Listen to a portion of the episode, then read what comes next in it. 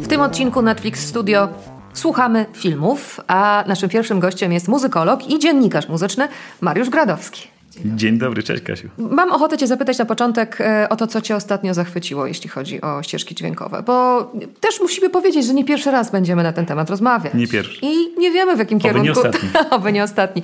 Nie wiemy, w jakim kierunku ta rozmowa się potoczy, ale zawsze warto sprawdzić, co ostatnio utkwiło Ci w głowie. Słuchaj, od ostatniego razu y, mam jedno gorące nazwisko, Thomas Clay. Y, to jest człowiek, który jest fenomenalny. To jest nowe nazwisko Reżyser, dla mnie. Nie wiem, który, kto to jest. słuchaj, y, postanowił nakręcić film, sam napisał scenariusz i szukał kogoś, kto mu zrobi muzykę. Nie znalazł i sam ją napisał i ta muzyka jest fenomenalna. Film nazywa się Funny Lay Delivered. Um, nie znam filmu samego, bo nie ma go w Polsce, nie wiem jak do niego dostać się. Natomiast ta muzyka, którą, y, której posłuchać można, jest fenomenalna. Wiesz, to jest coś zupełnie świeżego. Y, Wykorzystanie orkiestry, ale jednocześnie nawiązania do muzyki dawnej, ale jednocześnie jakiś taki y, zupełnie współczesny nerw, współczesny dramatyzm. Coś niesamowitego. Ścięła mnie ta ścieżka z nóg i to jest to pierwsze nazwisko Thomas Clay. Będę go obserwował i zobaczymy, co dalej z tego wyrośnie. Wiesz, seriale, seriale, dużo tego oglądamy się wszyscy. dzieje, tak. W- Wiesz, ta rewolucja serialowa bez wątpienia odcisnęła swoje piętno także na muzyce w serialach. To jest coś niesamowitego. Yy, To może jeszcze o tym powiemy, ale to jeszcze jedna rzecz, która mnie zafascynowała. Yy, Muzyka do serialu Watchmen. To nie jest rzecz najnowsza, ale to, co zrobili tam Atticus Ross i Trent Reznor, yy, to jest rzecz fenomenalna. I w ogóle też jakiś taki renesans y, ludzi, którzy odpowiadają za dobór muzyki. Y, to też nie są rzeczy najnowsze, ale one, one wciąż we mnie rezonują. Y, wielkie kłamstewka, ostre przedmioty. Tam właściwie nie ma muzyki skomponowanej do filmów, do seriali, mm, ale te filmy są Tak zwanej oryginalnej ścieżki. tak zwanej oryginalnej, prawda? tak. Natomiast te seriale są tak muzyczne i ta muzyka odgrywa tam tak istotną rolę. No weźmy ostre przedmioty. Ym, każda czołówka jest tak samo zmontowana. To są te same obrazy. E, Ale dobrana jest do nich zupełnie inna muzyka, w zupełnie innym stylu utrzymana. E, Raz jest to stary Hollywood, raz jest to trip-hop, raz jest to hip-hop, raz jest to pieśń gospel. I uwaga, to jest ten sam utwór, tylko że zaaranżowany na różne sposoby. I orientuje się w tym wytrawny słuchacz, ale jeśli ktoś nie zwraca na to uwagi specjalnej, to ma tę różnorodność dźwięków y, ilustrujących te same kadry, które nagle zaczynają odsłaniać nowe sensy. A do tego wszystkiego, kiedy uświadamiasz sobie, że to tam jednak jest ten wspólny wątek muzyczny, że to jest ten sam utwór, tylko w różnych odcieniach, to zdajesz sobie sprawę, jak świetnie to współgra z tematem tego serialu. Y, że tam też jest ten jeden wątek relacji między matką a córką, y, która jest pokazywana w różnych y, konfiguracjach, w różnych odsłonach. I to jest takie tak fenomenalnie spójne i tak porywające, że do dzisiaj, kiedy o tym mówię, to mam wrażenie, że y, to jest w tym momencie top tego, co można zrobić z czołówką serialową. A też pamiętam, I że tak ten dalej. serial konkretny e, ma taką trochę szkatułkową budowę, jeśli chodzi o muzykę, bo tam też ojciec, e, wycofany dość e, jako członek rodziny głównej bohaterki, e, e, ma kolekcję płyt i tam z kolei muzyka Michela Legranda się pojawia, prawda? I Tak. A wiesz, to- to jest jedna ogóle- ze słynnych jego piosenek. To też jest y, genialny pomysł, bo ojciec słucha muzyki z płyt winylowych, y, ze świetnego sprzętu stereo. Jest taki w tym bardzo pedantyczny, y, akuratny chciałoby się powiedzieć, znaczy ojciec ojczym. Y, Natomiast mm, nasza główna bohaterka słucha muzyki z potrzaskanego iPhone'a.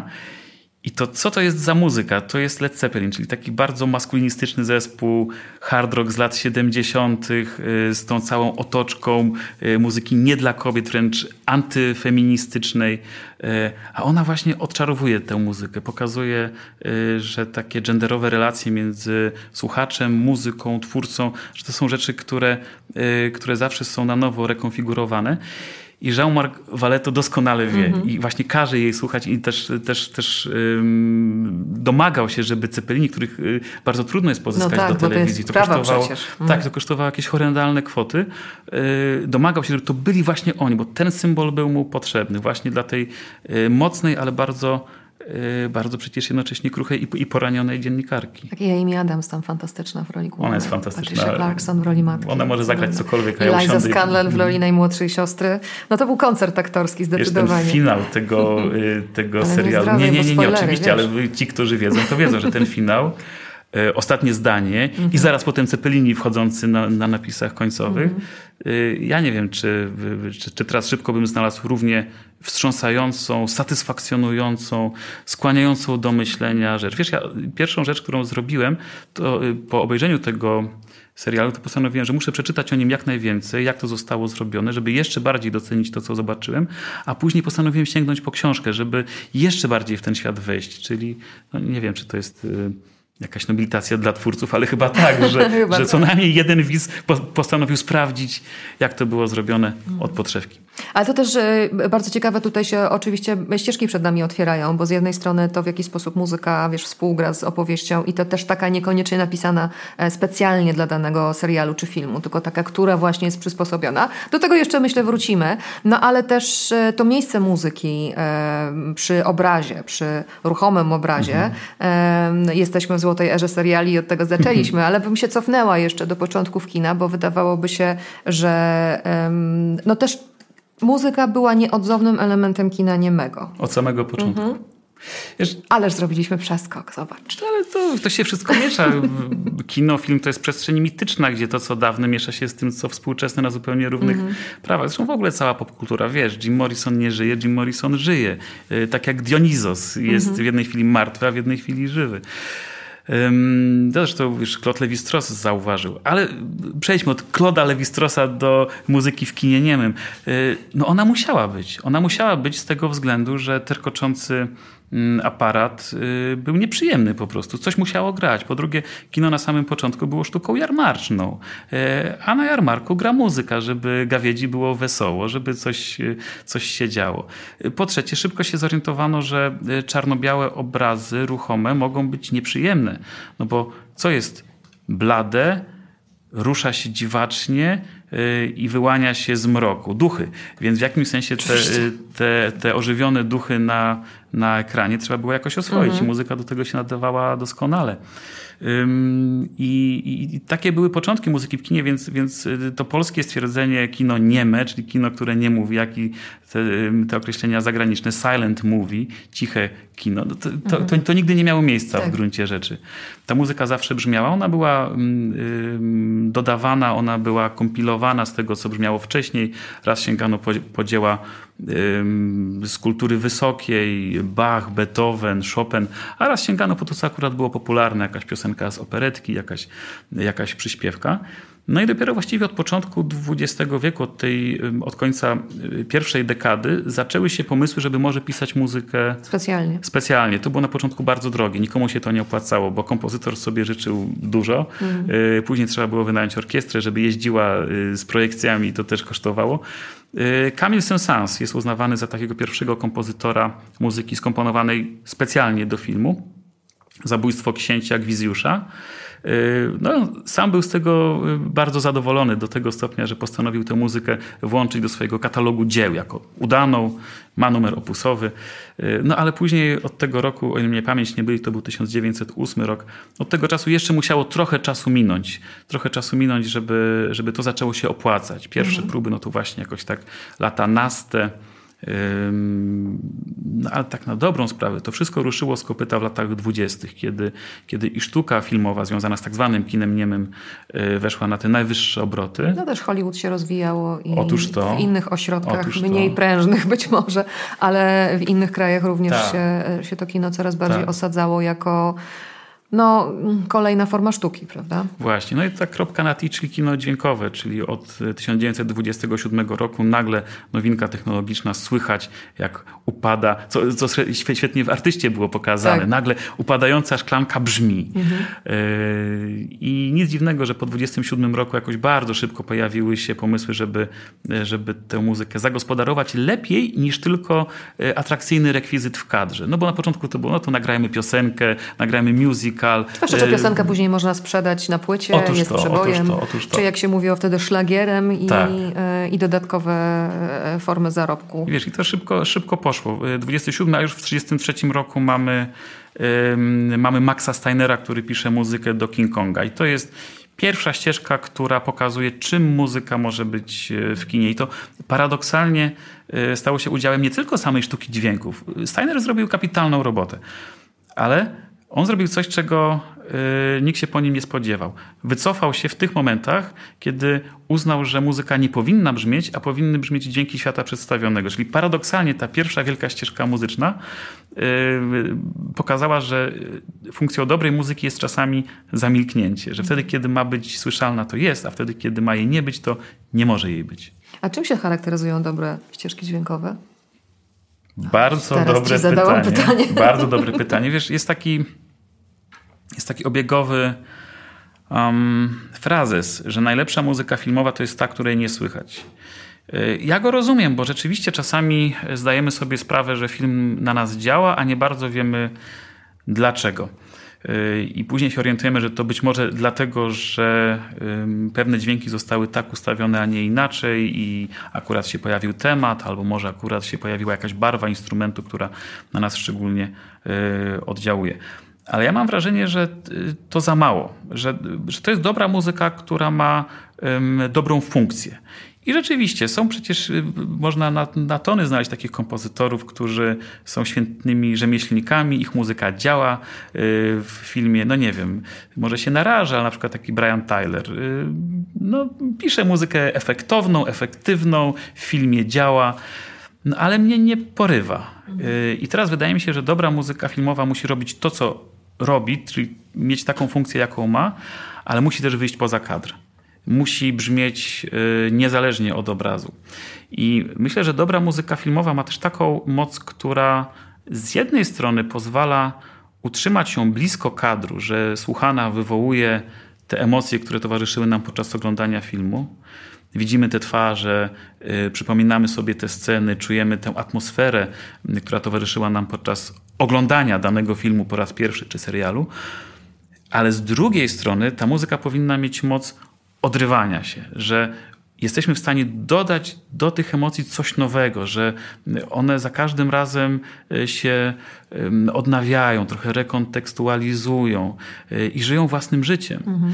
I dlatego myślę, e, muzyka Enia Morriconego jest tutaj tak, tak dobrym przykładem dobrej muzyki filmowej, bo ona w filmie działa fantastycznie, kiedy słyszymy tematy chociażby, nie wiem, z misji, z nietykalnych, you name it. Cinema Paradiso chociażby. Właśnie. Mhm. To, to te obrazy wracają, ale ja jednocześnie czynię z tych, z tych ścieżek i myślę, że wielu odbiorców muzyki filmowej tak to właśnie robi. Ścieżki dźwiękowe własnego życia. I one y, potem idą z nami i już nie myślimy tylko o nich w kategorii danego konkretnego filmu, mhm. ale po prostu w kategoriach muzyki, która y, opowiada o nas. Zgadzam się w stu procentach, ale wróćmy na moment jeszcze, bo powiedziałeś o Maxie Steinerze. On jest jednym z takich rzeczywiście pierwszych, którzy podwaliny kładli pod to, co w ogóle nazywamy teraz muzyką filmową, prawda? No, to też przeminęło, ojcem... przeminęło z wiatrem, to mm jest mhm. jego ścieżka dźwiękowa. Nazywany jest ojcem muzyki filmowej. No, w takich określeniach zawsze jest y, dużo racji i sporo nieprawdy. Rzeczywiście, był w tym pierwszym pokoleniu kompozytorów, którzy przyjechali do Stanów z Europy Y, którzy wcześniej w Europie odnosili sukcesy jako twórcy muzyki autonomicznej, koncertowej, jako twórcy oper, operetek. Y, ta fascynacja, jaką Ameryka darzy Europę, wtedy dawała o sobie znać, że kompozytor europejski to było coś. Nawet, nawet nie myśleli o tym, żeby brać lokalnych kompozytorów, bo oni z założenia byli gorsi niż ci europejscy, a ci europejscy mieli warsztat i faktycznie potrafili się odnaleźć. To pierwsze pokolenie jest fenomenalne. Właśnie Max Steiner, y, Franz Waxman, y, nasz Bronisław Kaper też się w tym, w tym mieści, Erich Korngold przecież także. To są wszystko y, ludzie wykształceni w europejskich akademiach, którzy warsztat mieli w małym palcu i wiedzieli, co zrobić, żeby uzyskać efekt pożądany przez, y, przez twórców filmów w Hollywood.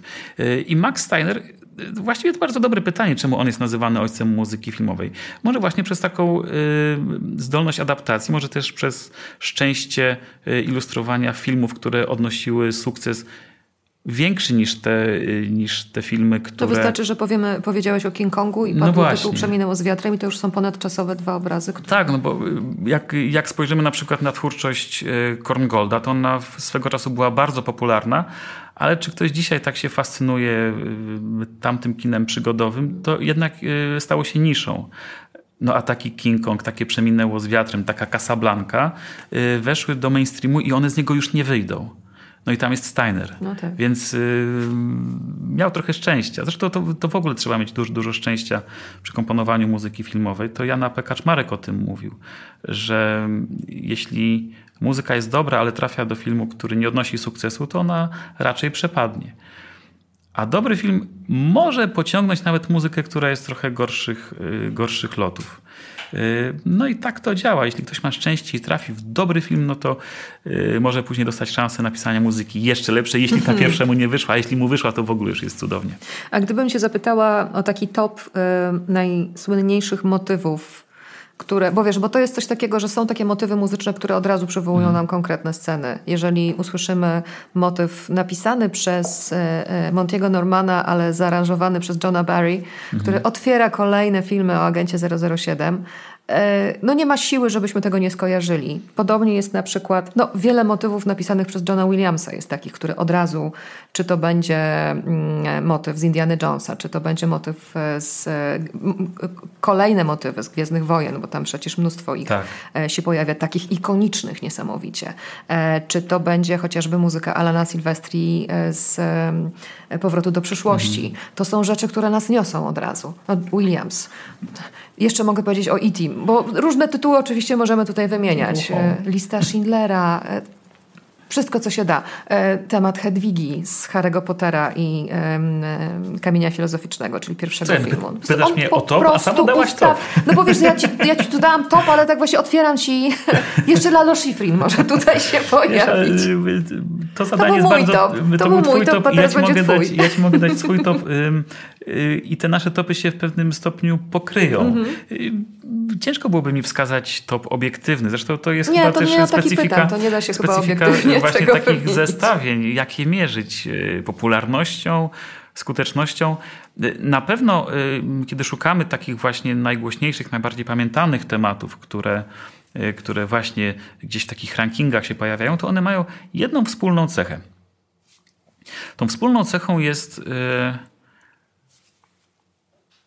sklejenie się nierozerwalne z filmem i z daną sceną.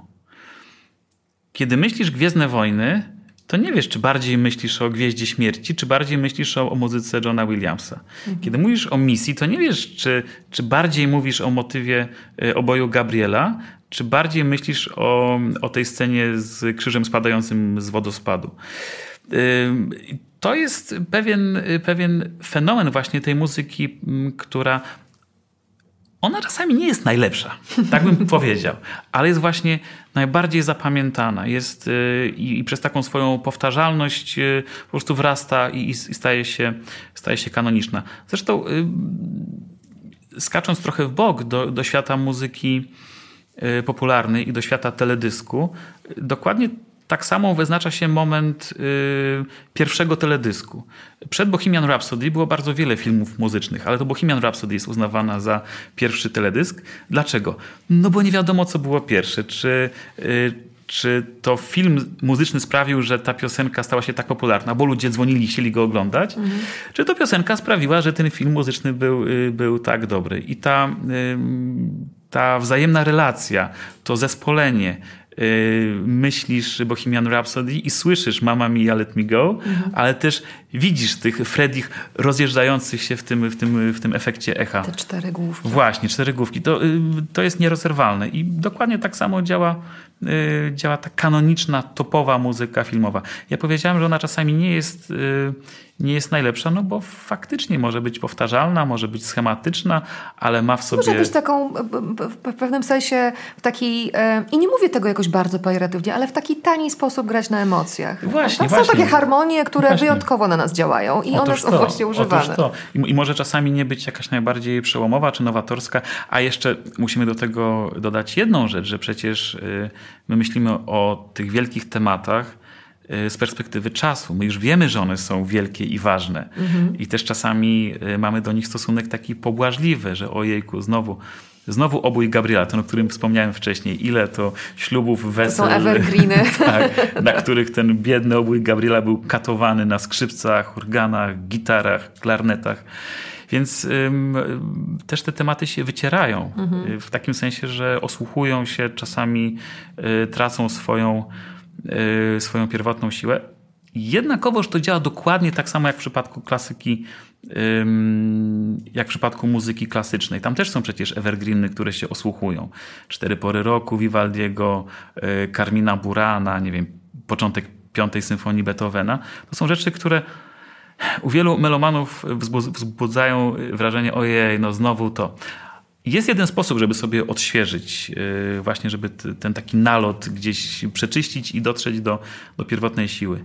Y, rzadko słuchać mm, i słuchać w całości, nie jednego motywu, a właśnie tego, jak zostało to pomyślane, czyli przekładając to na muzykę filmową, nie słuchać tylko ym, motywu czołowego z Gwiezdnych Wojen, ale sięgnąć po cały film, sięgnąć po całą ścieżkę i w tym kontekście zobaczyć, jak ta muzyka działa. Mhm. To jest, y, i, i, tak samo z tym nieszczęsnym obojem Gabriela.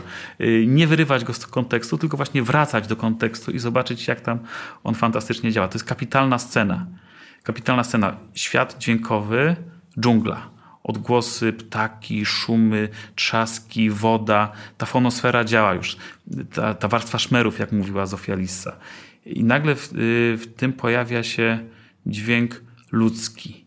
I to nie jest głos, tylko to jest właśnie dźwięk muzyki. Muzyki, która ma nawiązać kontakt z drugim człowiekiem. To właściwie piękne, głęboko humanistyczne przesłanie y, i to jest kontakt niewerbalny właśnie. To jest kontakt dźwiękowy, ale na zupełnie innym poziomie.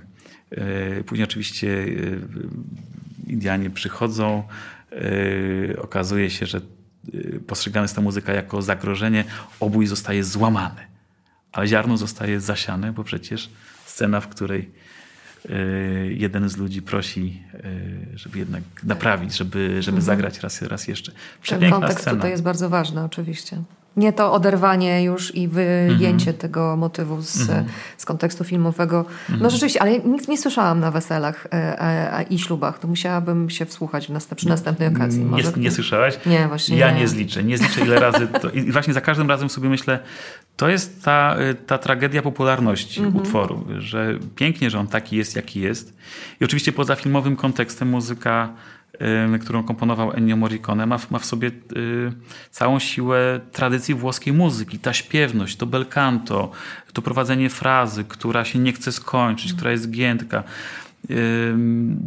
To wszystko w tej muzyce jest, więc takie, takie czysto muzykalne właściwości jak najbardziej tam działają. One zachęcają do tego, no weź mnie na, na tę uroczystość, zagraj mnie na swoim ślubie.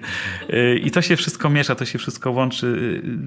Y, odtrutką na to jest po prostu sięganie do, do źródeł y, i też nie za częste sięganie do źródeł. Tak, ale rzeczywiście bardziej się ta muzyka nie Morricone nadaje na śluby niż na przykład Williamsa, ale teraz tak, Chciałabym, żebyśmy tak. E, e, wymienili parę nazwisk jeszcze, bo tak cię oczywiście z przymrużeniem oka zapytałam o ten top motywów, ale jeśli chodzi o takie najważniejsze nazwiska, które w takiej rozmowie o muzyce filmowej muszą paść, to e, też nie fiksujmy się na mhm. żadnych dekadach, na mhm, czasach, mhm, po prostu kogo, kogo oprócz tych, które już padły, byś jeszcze wymienił. Mam o tyle łatwiej, że, że kiedy uczę o muzyce filmowej, to muszę zrobić jakąś taką kondensację. Mhm. Czyli jesteś się... przygotowany, bardzo dobrze. Tak. Trochę tak. Y, ze złotego Hollywood trzeba powiedzieć o Steinerze. No to, to już mówiliśmy. Potem Bernard Herrmann. To jest mhm. ten, który wprowadza nową muzykę do muzyki filmowej. Nagle okazuje się, że można dawać dysonanse, można dawać klastery, można dawać y, nieoczywiste rozwiązania rytmiczne. Y, można korzystać z tej całej mm, broni, którą dają Strawiński z Bartokiem do spółki. Bernard Herrmann i obywatel Kane.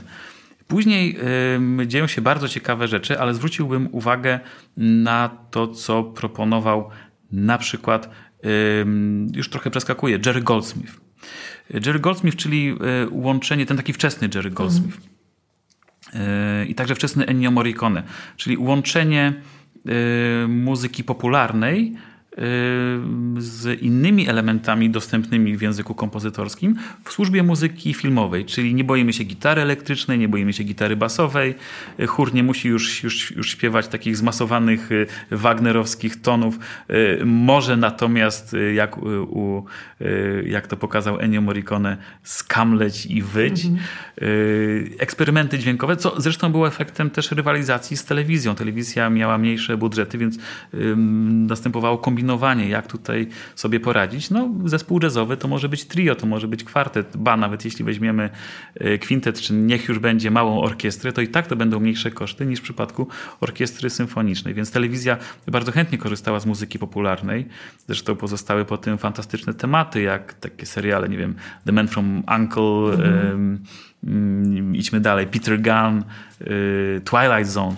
To są tematy telewizyjne, które pokazują, co muzyka popularna może dać muzyce filmowej. I właśnie taki Jerry Goldsmith, Ennio Morricone z tego korzystają. Gdyby tak te czołówki seriali prześledzić, to mhm. jest e, też cała masa bardzo ciekawych tematów, ale też po prostu historia telewizji. Słuchaj, no Filip tak napisał, y, to był bodajże jego doktorat y, o czołówce Kodżaka. 50 y, sekund zrobił z tego doktorat. Po Morricone wczesnym i po y, Jerrym Goldsmithie, no na pewno tutaj wchodzi John Williams jako ta figura, która pokazuje, że um, komponowanie na orkiestrę symfoniczną ma sens i że to język orkiestry symfonicznej może być yy, przeźroczystym językiem muzyki filmowej, takim, który pasuje do wszystkiego i że może oddać każdą emocję i być w każdych okolicznościach, że czy to Bronx, czy to, yy, czy to kantyna w Gwiezdnych Wojnach, mhm. nieważne. Yy, muzyka symfoniczna, brzmienie orkiestry symfonicznej będzie i przeźroczyste i będzie oddawało nastrój właśnie tego konkretnego miejsca. Yy, potem Vangelis, y, czyli ta rewolucja elektroniczna, rewolucja syntezatorowa. I Blade którą, Runner. Właśnie, Blade Runner y, i Rydwany Ognia. Y, no niektórzy się złoszczą na Wangelisa, bo później okazuje się, że całe lata 80. no to są właśnie flirty z syntezatorami. Telewizja pokochała syntezatory, no bo tanio. Mm-hmm. Miami Vice, yy, przypomnijmy sobie, ale też w polskich filmach tych syntezatorów było na potęgę. Więc później pojawia się pokolenie kompozytorów, którzy mówią syntezatory tak, ale łączmy je z orkiestrą. I wczesny Hans Zimmer, Dan Elfman, to są, to są ci twórcy, którzy, yy, którzy pokazują Mm, jak ciekawie można te dwa światy ze sobą łączyć. I później, no jest oczywiście, ja pomijam całą, całą rzeszę fantastycznych nie, nie, kompozytorów, nie ale jakoś tutaj trzeba... wspomnieć, oczywiście. Y, no i później to jest coś, co symbolizowane jest w muzyce Johanna Johanssona i którego spuściznę przejęła Hildur Gulnadotir, czyli mm, myślenie o muzyce w kategoriach takich masywnych bloków. Y, muzyka komponowana przez Johanssona była bardzo różnorodna, ale on bardzo często właśnie korzystał z tego, co brzmi w Sicario, czyli takie masywne, gruboziarniste motywy, y, muzyka, która łączy się z tą przestrzenią dźwiękową, z tym sound designem. Y, to, co zrobił później Hans Zimmer w Dunkierce, czyli właściwie nie wiemy, czy to tyka świat przedstawiony, czy to jest już muzyka skomponowana przez Zimmera. Ta granica jest bardzo niejasna, nieoczywista. To y, wykorzystuje wcześniej właśnie Johan Johansson i to świetnie robi Hildur Gulnadottir. Kiedy oglądamy y, serial Czarnobyl, to sam fakt, że ona nagrywała właśnie te wszystkie dźwięki, które później przetwarzała gdzieś w starych fabrykach, żeby, żeby u źródła dźwięku już elektrownia atomowa gdzieś się zjawiła, to później właśnie nie ma jasności, czy, czy to bzyczenie to jest bzyczenie urządzenia, czy bzyk kompozytorski, jeśli mogę tak powiedzieć. Bzyk kompozytorski. Bzyk kompozytorski. Bardzo pod, podoba mi się to sformułowanie Opo, powinniśmy zacząć go używać. Opatentowane już. W tej, w tej okay. chwili. Fantastycznie. Bzyk kompozytorski. Cudowne. A wiesz co, porozmawiamy jeszcze, bo zaczynałeś od tego reżysera, który sam sobie skomponował muzykę. Ostatnio też Viggo Mortensen zadebiutował jako reżyser i mhm. ponieważ to jest człowiek wielu talentów, to również napisał i zagrał mhm. muzykę do tego filmu. Jeszcze jest czas, taki jest polski tytuł. Ale to też nie jest pierwszy ani drugi taki przypadek, bo też mi się John Carpenter tutaj kojarzy. John Carpenter, no, on jest świetny. Y, ta jego muzyka, no właśnie, to jest też y, przykład kompozytora, który nie pisze może muzyki y, przełomowej, nawet na gruncie korzystania z syntezatorów i mhm. z inspirowania się muzyką popularną. No powiedzmy, że John Carpenter nie wyważa drzwi, ale jednak pisze w punkt. Mhm. Te jego kompozycje są stosunkowo proste, ale mają tak fenomenalne brzmienie, tak fenomenalny nastrój, tak fenomenalny rytm, że nie tylko idealnie pasują do, y, do filmów, które sam sobie kręci mm-hmm. Carpenter, ale także stają się jakimś takim soundtrackiem w ogóle czasów, y, z których zostały wzięte. I to jest też, y, też ważna cecha muzyki filmowej, że odnosi do konkretnego miejsca w czasie i przestrzeni. I ścieżki dźwiękowe Carpentera dokładnie tak działają. Słuchasz i widzisz lata 80. Do tego później jest bardzo łatwo nawiązać, no bo co robią twórcy serialu Stranger Things? No, Myślę, że jedną y, z pierwszych decyzji, nie wiem tego, ale tak mm -hmm. zakładam, było musimy mieć muzykę na syntezatorach tak, żeby mm -hmm. brzmiało jak Carpenter. Y, I rzeczywiście y, Dixon i, Stein to, tak, to, tak to, to świetnie robią.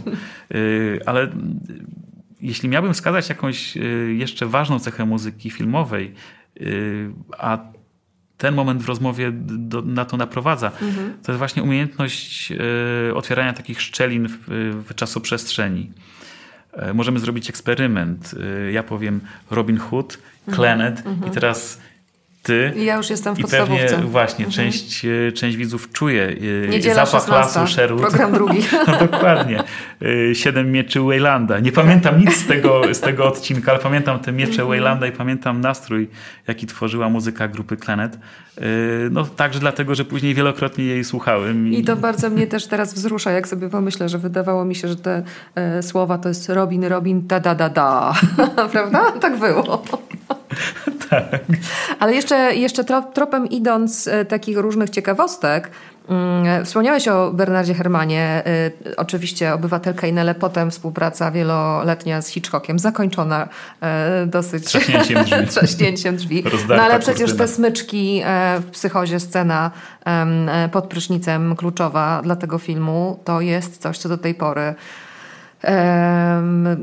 Chodzi mi o gatunek o to na przykład, jak w gatunku takim jak horror wykorzystywana jest muzyka, bo tutaj też myślę, że moglibyśmy sporo powiedzieć, a y, ona bardzo jest y, mocno wykorzystywana do budowania tego napięcia, prawda? Coś czasami, co się nie da pokazać, y, można to muzyką przekazać. Tak, tak, tak. To ciekawe, że mówisz o, te, o, tej scenie, bo ona jest faktycznie fenomenalna, przeszła do historii kina, natomiast Hitchcock nie chciał, żeby tam była muzyka. Mm. I to był jeden z tych momentów, kiedy Herman mu się przeciwstawił. I dobrze zrobił. Mhm. Dobrze zrobił. W scenie pod prysznicem y, miało nie być muzyki. Dzisiaj to wydaje się wydaje się nie do pomyślenia, ale właściwie jak oglądamy tę scenę, to ona zaczyna się bez muzyki bohaterka wchodzi Bardzo pod zadowolona prysznic. wreszcie tak, po tak, tej podróży. Jest, są, są, są skrzypienia kurku, więc ta fonosfera mhm. działa. Um, uruchamia się prysznic i, i, widzimy wodę lecącą tak jakby na twarz. Swoją drogą ona jest kapitalnie skomponowana, ta scena. Te okręgi, jest, jest, jest okrąg prysznica, jest okrąg y, odpływu wody i okrąg gałki ocznej, która na końcu Y, na końcu ma nie drgać leciutko. Dzisiaj widzimy, że drga, ale oczywiście, Boże kochany, no, to nie jest komputer, to jest żywy człowiek, który ma udawać y, martwego. W każdym razie ta fonosfera zapowiada i te, te, te, te skrzypnięcia kurków, kiedy już wiemy, co się stanie, to one zapowiadają te skrzypnięcia y, wysokich rejestrów skrzypiec, ale też kojarzą się z uderzeniem noża o, o metal, o jakieś ciało, o coś. Jak się zagląda w partyturę, yy, którą skomponował Bernard Herrmann do tej sceny, to widać wyraźnie, jak od najwyższych rejestrów yy, dochodzą kolejne Y, kolejne dźwięki w niższych rejestrach, w kolejnych głosach i widać y, taki opadający, znaczy inaczej, on nie jest opadający, ale widać, że, że, że ta partytura tutaj na dole się rozwija w kierunku dolnym. Mhm. I ma się nieodparte wrażenie, że to jest. Bohaterka tak, też będzie się rozwijać w tak kierunku dolnym. Jest, za I że to mhm. jest takie, takie wizualne w partyturze oddanie tego, co się dzieje właściwie w scenie. Y, ta muzyka również opada, ona jest, jest, mhm. jest, jest coraz gęstsza, te, te ruchy rytmiczne oddają ruchy noża opadającego. Y, ja najbardziej lubię w tej scenie ten moment, kiedy wchodzą niskie rejestry orkiestry, kiedy y, pojawiają się kontrabasy z takim ostatnim tchnieniem. Jękiem. Tak, one mhm. są coraz, te zrywy, te motywy są coraz dłuższe, coraz rzadsze. Ten pęd y, wywołany na samym początku przez wysokie rejestry smyczków się wytraca. Mhm. I cisza, płynąca woda i krew odpływająca do odpływu. Co swoją, swoją drogą też jest bardzo takie przejmujące, bo mhm. oto człowiek kończy się w ściegu mhm. w, tym, w tej scenie. To ja teraz pozwolę temu wybrzmieć. Ale teraz jeszcze bym została przy Bernardzie Hermanie, ale on się pojawi, e, myślę, w tym wątku, dlatego że mm, e, czasami się tak zdarza, że reżyser nie jest w stanie dogadać się z kompozytorem. I taka była sytuacja Stanleya Kubricka przy okazji Odysei Kosmicznej, prawda? Bo tam jednak te mhm. E, utwory z muzyki klasycznej wykorzystane przez niego przy montażu, no muzyka napisana do, te, do tego filmu nie nie spełniła swojego zadania w, w, głowie Kubricka. I podobna sytuacja była e, no, między innymi z udziałem Bernarda Hermana e, w przypadku egzorcysty Friedkina. Tutaj znowu wracamy do kina grozy. E, wiadomo, co się dzieje w egzorcyście. No i właśnie jednym z pierwszych, do których się odezwał Friedkin, żeby napisał muzykę do egzorcysty, był właśnie Bernard Herman. No w tamtym czasie to był wybór numer jeden. No właśnie. To już po tym trzaśnięciu drzwiami, jak tak. się rozstał z Hitchcockiem Herman. No i Herman był człowiekiem, który nie przebierał w słowach i obejrzał film i powiedział tak, ja mogę coś z tym szajsem zrobić, mm -hmm. tak to powiem. Dobrze, dobry zamiennik znalazłeś. Mogę coś z tym zrobić, tylko zostaw mnie z tym, ja ci prześlę później partyturę. Reżyser stwierdził, że to w ogóle nie ma mowy na coś takiego. Zresztą okazało się, że wizja Hermana była zupełnie inna. On wymarzył sobie, czy usłyszał, kiedy oglądał ten, y, ten film jeszcze bez muzyki, usłyszał organy, które grały w jakimś y, kościele, który znał, organy kościelne, na co Friedkin stwierdził, o nie, nie, nie, nie, nie, nie, nie tędy droga, dziękuję panu, uścisnęli sobie dłonie. E, ale okazało się, że Friedkin musiał mieć no, jakieś bardzo sprecyzowane pojęcie tego, co chce usłyszeć, bo później zaprosił do współpracy Lalo Schifrina e, i jemu też, też podziękował. Nazwisko, bardzo Schifrin. ważne, bardzo Mission ważne. Impossible, e, motyw Otóż to, Bullet. Natomiast okazało się, że muzyka Schifrina była dla dla Friedkina zbyt głośna, zbyt potężnie brzmiąca, co dzisiaj trochę dziwi, bo, bo ta muzyka się ukazała i właściwie ona nie odstaje tak bardzo od tego, co później wybrał Friedkin. Znaczy Friedkin wybrał muzykę współczesną, penderecki mhm. i tak dalej, dysonującą, chrapliwą, budzącą grozę bez wątpienia w takim kontekście, ale Schifrin właściwie zrobił coś bardzo podobnego. Więc tutaj dotykamy bardzo ważnej kwestii. Czasami człowiek, jak się zasłucha w jakiś w jakimś utworze, w jakichś dźwiękach, to one z nim pozostają, już sobie nie jest w stanie wyobrazić niczego innego w danym, w danym momencie. I tak chyba było w tym przypadku. I wydaje mi się, że podobnie było w przypadku 2001 e, Odysei Kosmicznej. To w ogóle mhm. biedny Alex North. E. Dostał zamówienie, napisał 50 minut napracował muzyki, się. napracował się, dopytywał się, co jeszcze zrobić, co jeszcze, no to jakieś poproszę o kolejne wskazówki. E, Kubrick go już zaczął zbywać i później właściwie dopiero na premierze okazało się, że muzyki Alexa Norfa w tym filmie nie ma. No. Natomiast cóż, no wybór Kubricka był słuszny, bo znaczy Mogę to powiedzieć. Po tym, jak przeczytałem książki, obejrzałem, to wiem, że był słuszny, ale możemy to zrozumieć. Mhm. Po prostu muzyka skomponowana mm, od zera na, na potrzeby filmu, który właśnie powstaje, jest muzyką, która buduje swoje znaczenie w kontekście tego konkretnego filmu. I to można łatwo porównać. Jest, scen, jest scena y, dokowania promu do stacji kosmicznej w 2001 Odysei mhm. Kosmicznej. I y, to łatwo sprawdzić na YouTubie. Jest, jest ta scena z podłożoną muzyką Norfa.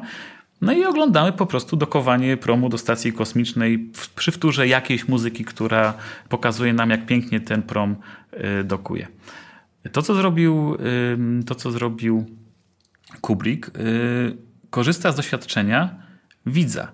Każdy widz ma jakieś doświadczenie z muzyką klasyczną, którą Kubrick wykorzystał w tym filmie, chociażby właśnie z walcem nad pięknym modrym Dunajem.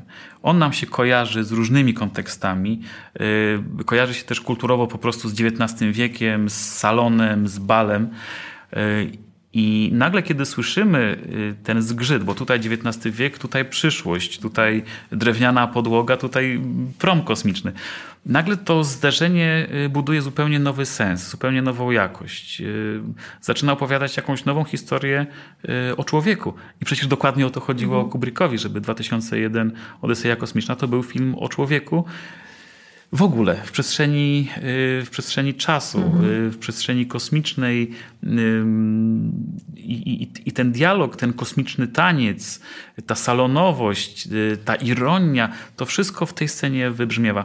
Muzyka Aleksa Norfa nigdy by tego nie mogła mhm. dać. No szkoda, że tak późno się Kubrick zorientował, no ale no, okej, okay, no dzisiaj mamy po prostu świetną muzykę Norfa, której możemy, której możemy sobie posłuchać tak czy inaczej, mhm. natomiast film no to arcydzieło.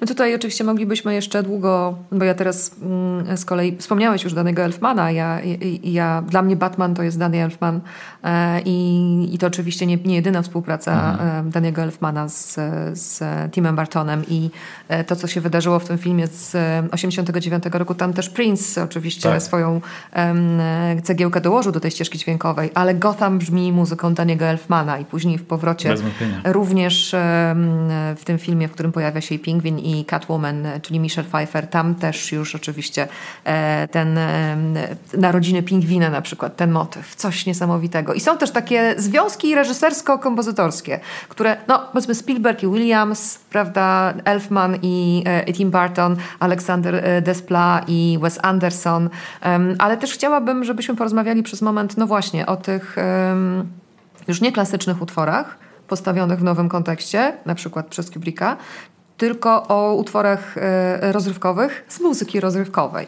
e, które na przykład ja, ja już zupełnie inaczej słyszę e, London Calling mhm. po obejrzeniu filmu Billy Elliot. Zupełnie inaczej słyszę mm, I'm Every Woman, Chucky Khan, mm, po obejrzeniu dziennika Bridget Jones. Filmy tak bardzo popularne, które mają tak chwytliwą ścieżkę dźwiękową, skompilowaną z różnych utworów, wkładają nam te utwory w zupełnie inne półki w głowie, mam takie mhm. wrażenie. Mm, które ci pozmieniały filmy, odbiór, odbiór utworów, które znałeś wcześniej z innych kontekstów?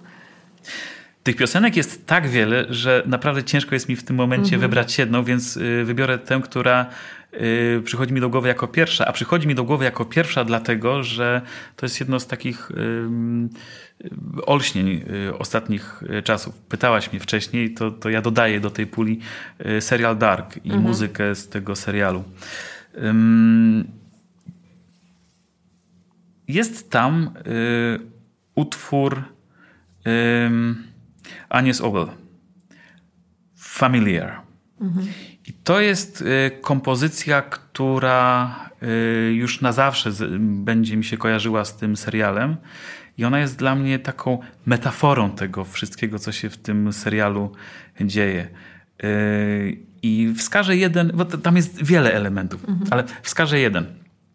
Yy, najpierw słyszymy głos kobiecy, yy, a później słyszymy głos męski. Takie mamy wrażenie, ale to nie jest głos męski. To jest y, Ania Sobel, która za pomocą środków elektronicznych zmienia swój własny głos, dialoguje sama ze sobą. Jedna osoba śpiewająca dwoma głosami, kobieta śpiewająca głosem męskim. Dialog wewnątrz y, y, jednej piosenki, y, budowanie person właściwie muzycznych w obrębie jednej piosenki, które ze sobą rozmawiają, poznają się, to, to tak idealnie łączy się z tematyką serialu Dark, że zawsze kiedy myślę o tym utworze, to, to yy, no chylę czoła przed yy, przed muzycznymi konsultantami, przez, mhm. przed tymi osobami, które dobierały muzykę do serialu Dark, bo y, to jest świetny przykład tego, jak muzyka y, komponowana do serialu, czy też do filmu, ale w tym przypadku jest to serial, może współgrać z muzyką tak zwaną prekompilowaną, czyli istniejącą wcześniej i dobieraną. Jak słuchamy muzyki do serialu Dark y, z playlisty, to tam mamy muzykę Bena Frosta i zaraz y, Anies Ubel i zaraz mamy Aparat, Soap Skin, Asaf Avidan i to się fantastycznie ze sobą łączy. Y, nie chodzi tutaj o zgodność tonacji y, muzycznej, rytmów, może trochę brzmienie, bo, bo w dużej mierze jest to muzyka elektroniczna, ale przecież Asaf Avidan to jest wspaniały utwór na, zaśpiewany i zagrany, zagrany na gitarze akustycznej. Mhm ale się doskonale łączy z całą resztą. To jest wielka sztuka, tak dobrać utwory, żeby się wzajemnie, wzajemnie oświetlały. Mówię o tym Asafie Awidanie, bo to też jest y, kapitalny utwór. I to też jest Song. bardzo charakterystyczny, charakterystyczny twórca, prawda? Który no też no się jakoś tak sytuuje głosowo pomiędzy, w jakiejś szczelinie Otóż znowu to. otwieramy jakieś Otóż tutaj. To. A Jeśli... ścieżka Dark też otwiera szczeliny czasowe, bo tam Dokładnie też wracamy tak. do lat 80. Tak. i też w ścieżce dźwiękowej to jest słyszalne. Wasafa Awidana, jeśli ktoś nie zna tego artysty i tylko go słyszy po raz pierwszy, to ma wrażenie, że to śpiewa kobieta. Mhm. Zmęczona życiem, doświadczona y, takim chrapliwym głosem. To trochę mi przypomina może głos Johnny Mitchell.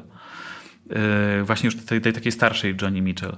A później e, orientujemy się, że to śpiewa mężczyzna i nagle te, te wszystkie właśnie takie nasze przyzwyczajenia, stereotypy, e, to budowanie narracji wewnątrz piosenki, no bo jest człowiek z krwi i kości, czyli Asaf Avidan śpiewający, jest ta persona muzyczna, którą on w tym momencie wkłada w to wykonanie, jest ten bohater, który się rodzi z tekstów piosenki i jest nasze tego odbieranie. Nagle ta wielość sensów zaczyna, zaczyna ożywać.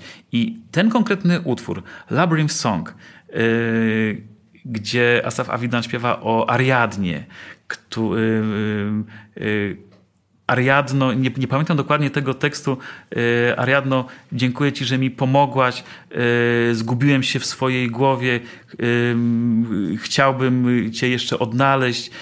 Ten tekst przetłumaczony na polski tak jeszcze z głowy brzmi mhm. banalnie, ale w oryginale jest przejmujący i tak doskonale łączy się z tematyką serialu Dark. Przecież ta czerwona nić, mhm. przecież motyw Ariadny. To jest tak, tak kongenialnie wykorzystane, że powiem krótko, muzyka popularna w służbie muzyki filmowej to jest potężna broń. To jest broń, y, która ma jeden aspekt, którego nie ma muzyka oryginalna. Nie, nie zawsze go ma, bo może mieć, ale, ale, ale często go nie ma tekst. Mhm. Po prostu tekst. Słuchamy muzyki Johna Williamsa i ona działa na nas y, czystym dźwiękiem, melodią, harmonią, jakimiś skojarzeniami, jakimiś tropami. Na przykład wiem, Celesta, która gdzieś nawiązuje do tego, co tajemnicze, dziecięce to motyw i tak dalej. No właśnie, właśnie.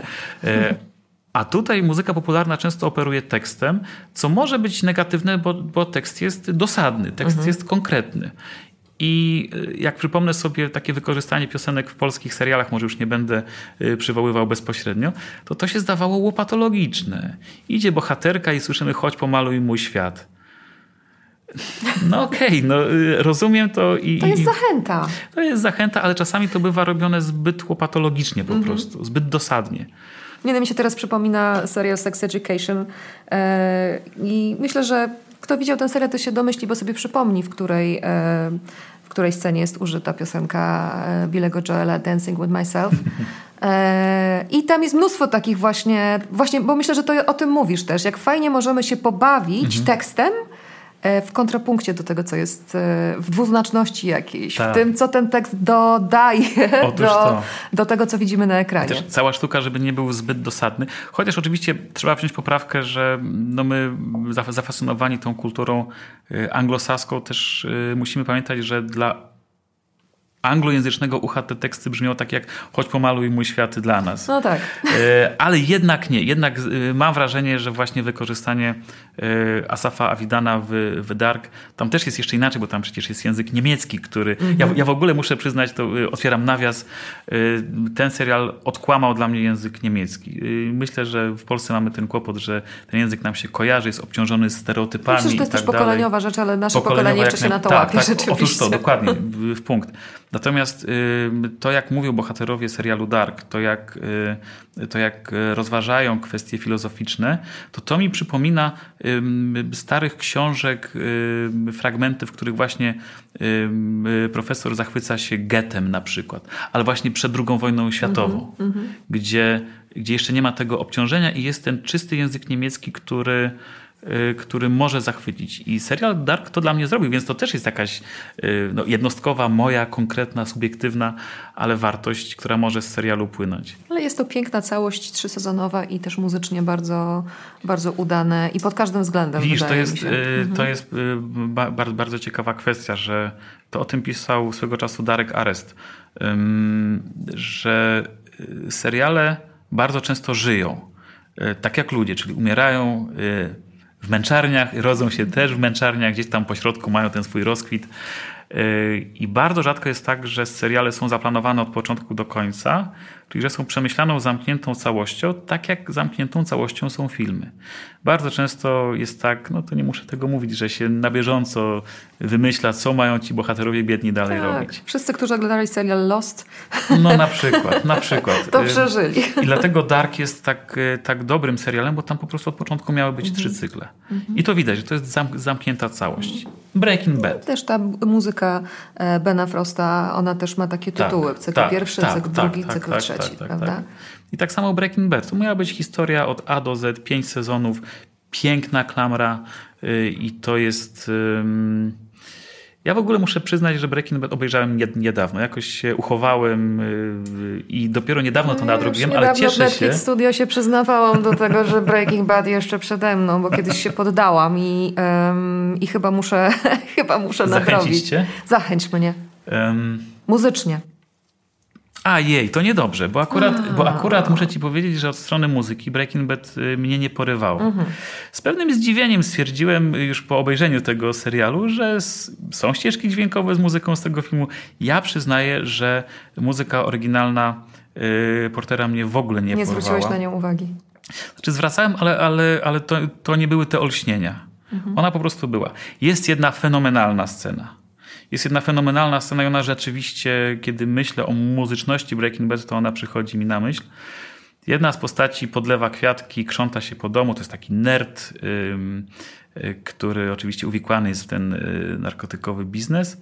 Krząta się po domu, jest bratem łatą, chcemy go przytulić. I on sobie śpiewa taką starą włoską piosenkę, yy, bardzo trudną do zaśpiewania, ekwilibrystyczną. I on to robi z wielkim wdziękiem. Mm -hmm i zaraz coś mu się przytrafi.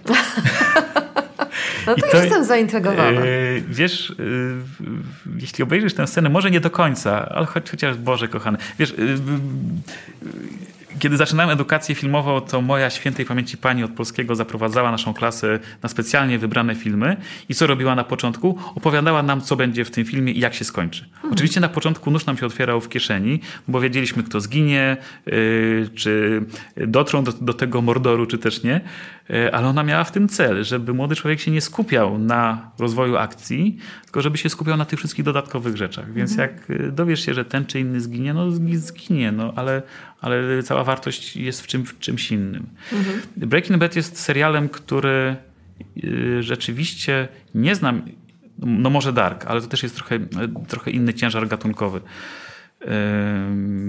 który by się rozwijał i był coraz lepszy. Hmm. Sam fakt, że na y, Internet Movie Database jeden z finałowych odcinków ma 10 na 10 wciąż, no to jest jakaś rekomendacja. Czyli to nie jest już tylko subiektywne wrażenie, ale też intersubiektywne. Yy, I Breaking Bad yy, to jest serial małych kroczków. I ponieważ nasze życie składa się z małych kroczków, to bardzo łatwo to przełożyć na nasze -hmm. własne doświadczenie. Ja widzę twój rozmarzony wzrok i widzę, że twoje, twoje uczucie do Waltera White'a jest niczym niezmącone. Nie, nie, nie. Wiesz, ale nie, ja, ja, to, ja to muszę powiedzieć. To jest bohater, którego na początku lubisz, a później zastanawiasz się, czy go mhm. lubisz, a później zastanawiasz się, w którym momencie go przestałaś lubić i czy na pewno już go nie lubisz. Mhm. To jest właśnie ten fenomen, że, że, że ta postać jest tak wieloznaczna, tak migotliwa, tak barwna, tak, y, tak frapująca, rozkładająca racje po różnych stronach, y, że no, można nie jeden wieczór spędzić zastanawiając się, y, co by to było, gdybym usiadł z nim i z nim porozmawiał. Mistrzostwo. Jak widzicie, my moglibyśmy oczywiście w nieskończoność, ale yy, chciałabym jeszcze, żeby jeden chociaż tytuł padł. Właśnie. nie, nie, nie do końca o to mi chodzi. Ale yy, chciałabym, żeby jeszcze jeden tytuł padł, jeśli chodzi o stronę muzyczną. Peaky Blinders. Bo to jest z kolei yy, ścieżka kompilowana, która wykorzystuje w produkcji kostiumowej, było nie było, współczesne utwory. I mhm. tam się pojawia, oczywiście wykorzystany przy e, czołówce e, Nick Cave and the Bad Seeds i tam się pojawia Radiohead i tam się pojawiają, tam się pojawia PJ Harvey. Tam są cuda na tej ścieżce dźwiękowej, a wszystko dzieje się w Birmingham w, po I wojnie światowej, w międzywojniu właściwie. To jest zabieg, który w gruncie rzeczy jest bardzo prosty. Mhm. Chodzi o to, żeby przybliżyć ten świat widzowi.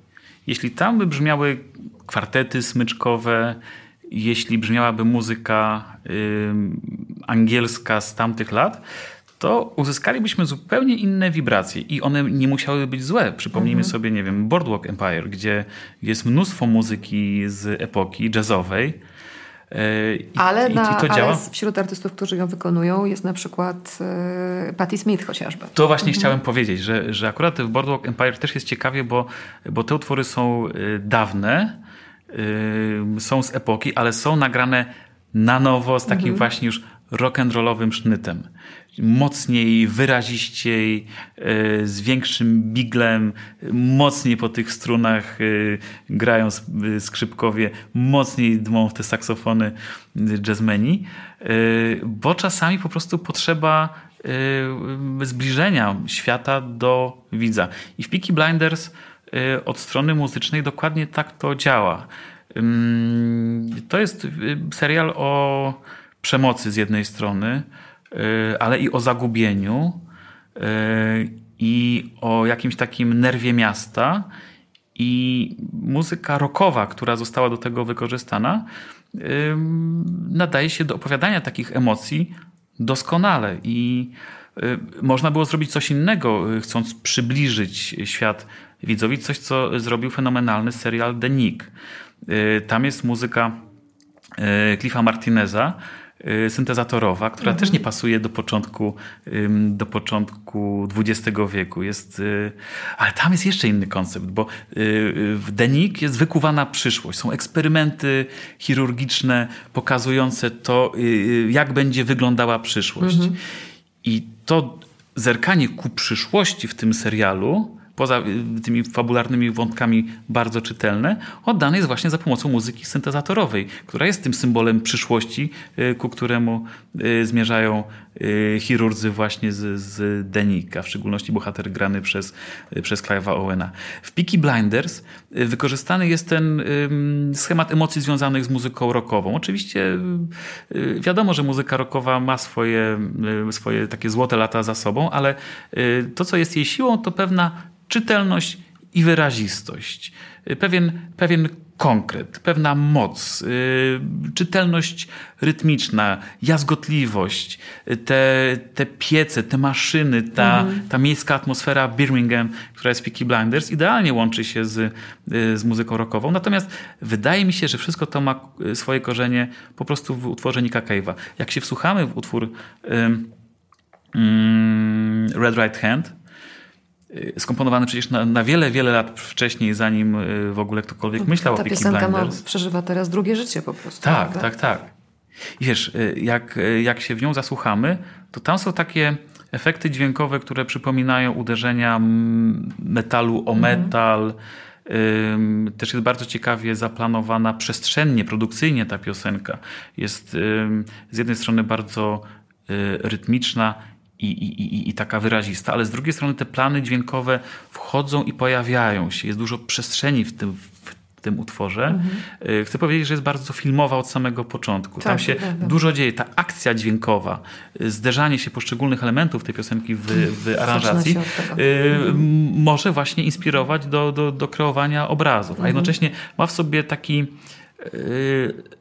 industrialny posmak, nie posmak muzyki industrialnej, tylko mhm. właśnie jakiejś takiej hali fabrycznej, metalu, czegoś brudnego, y, jakiegoś kopciucha węglowego y, i to z Birmingham łączy się fantastycznie. I już od, od tego ziarna potem cała roślina muzyczna w tym serialu się rozkwita. I potem po prostu widzimy klan Shelby, jak idą ulicą i wszyscy się ich boją i wszystko w jest rytmie. Jasne. Tak. W rytmie, tak. mocno, mocnym krokiem, przy wtórze perkusji, przy wtórze dudniącego basu. Y, to się sprawdza, to się mhm. sprawdza. To jest znakomite. Ile się mieści w muzyce? To trochę tylko dotknęliśmy tego tematu. Może kiedyś będziemy go kontynuować. Na to liczę. Byłbym zachwycony. Mariusz Gradowski, bardzo Ci dziękuję za spotkanie. Bardzo dziękuję, Kasiu. Oczywiście będziemy e, dalej rozmawiać e, w tym odcinku Netflix Studio o muzyce filmowej, e, chociaż następną rozmowę zaczniemy od scen bez muzyki. Naszym kolejnym gościem jest producent i kompozytor Wojciech Urbański. Dzień dobry. Właściwie nie wiem, czy Wojciech, czy Wojtek wolisz? Nie wiem, no już chyba czas Wojciechem powoli zostać. ja też mam czasami taki problem, czy Kasia, czy Katarzyna. Ale bardziej ym, kompozytor, czy bardziej producent? Jak to teraz u ciebie jest? To się płynnie zmienia i rzeczywiście tak, zaczynałem od produkcji, z tego, z tego bardziej jestem obecnie chyba kojarzony, ale mhm. faktycznie coraz mocniej wchodzę w kompozycję muzyki i znaczy to zawsze też jest kompozycja, produkowanie muzyki to też kompozy kompozycja, ale rzeczywiście coraz mocniejsze kroki stawiam w komponowaniu również samodzielnych rzeczy. To jeszcze porozmawiamy o tym, e, jak pracujesz z, e, ze scenariuszem, czy ze scenami, które dostajesz i e, jak to się wszystko toczy. To, ale chciałabym zacząć od takiego ćwiczenia myślowego, żebyśmy z jakiejś sceny usunęli muzykę. Masz, masz taką scenę, na której fajnie jest wytłumaczyć o co chodzi z tą muzyką w filmie i po co ona jest? Tak, znaczy ja to w ogóle mam na co dzień, bo dostaję sceny bez muzyki i, i mam szansę zobaczyć, jak to faktycznie wygląda, jak scena jest, y, jest bardziej goła. Mhm. Y, I oczywiście już wiele rzeczy widać w takiej scenie i najważniejsze rzeczy tam się dzieją, jakieś relacje, czy dialogi, czy generalny plot scenariusza, ale mm, mam okazję przez to, że pracuję jako kompozytor muzyki filmowej, widzieć te rzeczy przed i po i też mieć w tym udział, żeby ta scena, wiesz, dostała jeszcze więcej mocy emocjonalnej i, no i to rzeczywiście jest ciekawe doświadczenie. Mm, ja sobie też czasami robiłem takie eksperymenty i usuwałem z, z, różnych znanych scen filmowych muzykę, podkładałem potem taki roboczy dźwięk, żeby jednak coś było pod spodem, żeby ona nie była nienaturalnie... Na przykład e... słychać głuche kroki. Tak, głuche kroki. Mm, tak, no to jest, y, to pokazuje jak bardzo muzyka filmowa pomaga y, dziełu filmowemu i jak wiele nam podpowiada, na mhm. jakie to oglądamy. Mm, albo jak wiele może też w ogóle zmienić, może odwrócić, wiesz, całe znaczenie. Mhm sceny. Także tak, to polecam sobie czasami nawet wy, wy, ulubione sceny wymutować po prostu dźwięki, puścić jakieś zupełnie od czapy z innej strony utwór i zobaczyć, co się wydarzy, prawda? Ciekawy no, eksperyment. Się... Tak, tak. To... A to porozmawiamy przez moment o tych scenach, które dostajesz, bo, bo też e, na przykład przy hejterze e, miałeś okazję... Mnie, mnie zawsze fascynuje to, że do filmów sceny na przykład z dyskotek, z klubów są nagrywane w ciszy. I wszyscy tańczą. Ja zastanawiam się, kto wybija, te, czy tam jest w ogóle jakiś rytm, czy mamy, że tańczycie, no tańczycie w takim e, średnim rytmie powiedzmy i dopiero później jest podkładana ta muzyka. E, tak. A jest tam scena na przykład w Hejterze, kiedy Maciek Musiałowski, bohater przez niego grany oczywiście, e, z bohaterem granym przez Macieja Sztura są w klubie, prawda? I to było do ciszy nagrywane. Najczęściej niestety te sceny dogrywa się do ciszy, bo w trakcie tych scen padają dialogi albo reżyser musi mieć warunki pracy, żeby w ogóle dyrygować całą całym planem zdjęciowym, więc to niestety jest problem w ogóle scen. E, bardzo trudno jest nakręcić dobrą, wiarygodną scenę imprezy. Zwróć, mhm. zwróć na to uwagę, nie? w filmach, że to nie, rzadko wierzymy tym scenom. Ludzie się bawią zbyt zbyt, zbyt mocno, Czasami zbyt na tak, pokaz. Tak, zbyt, tak. zbyt wielki entuzjazm jest Tak, widoczny. nie widać luzu, a często też nie widać yy, też zgrania rytmicznego. Mm -hmm. Dlatego rzeczywiście zdarza się, że gdzieś tam podprogowo puszczany jest jakiś taki metronom w postaci bardzo na przykład niskich basowych uderzeń, które potem da się wyfiltrować w dialogach. Yy, ale najczęściej grane są do ciszy i ja te sceny widuję, bo rzeczywiście yy, dosyć często w, yy, wstawiam muzykę swoją, tą właśnie producencką odsłonę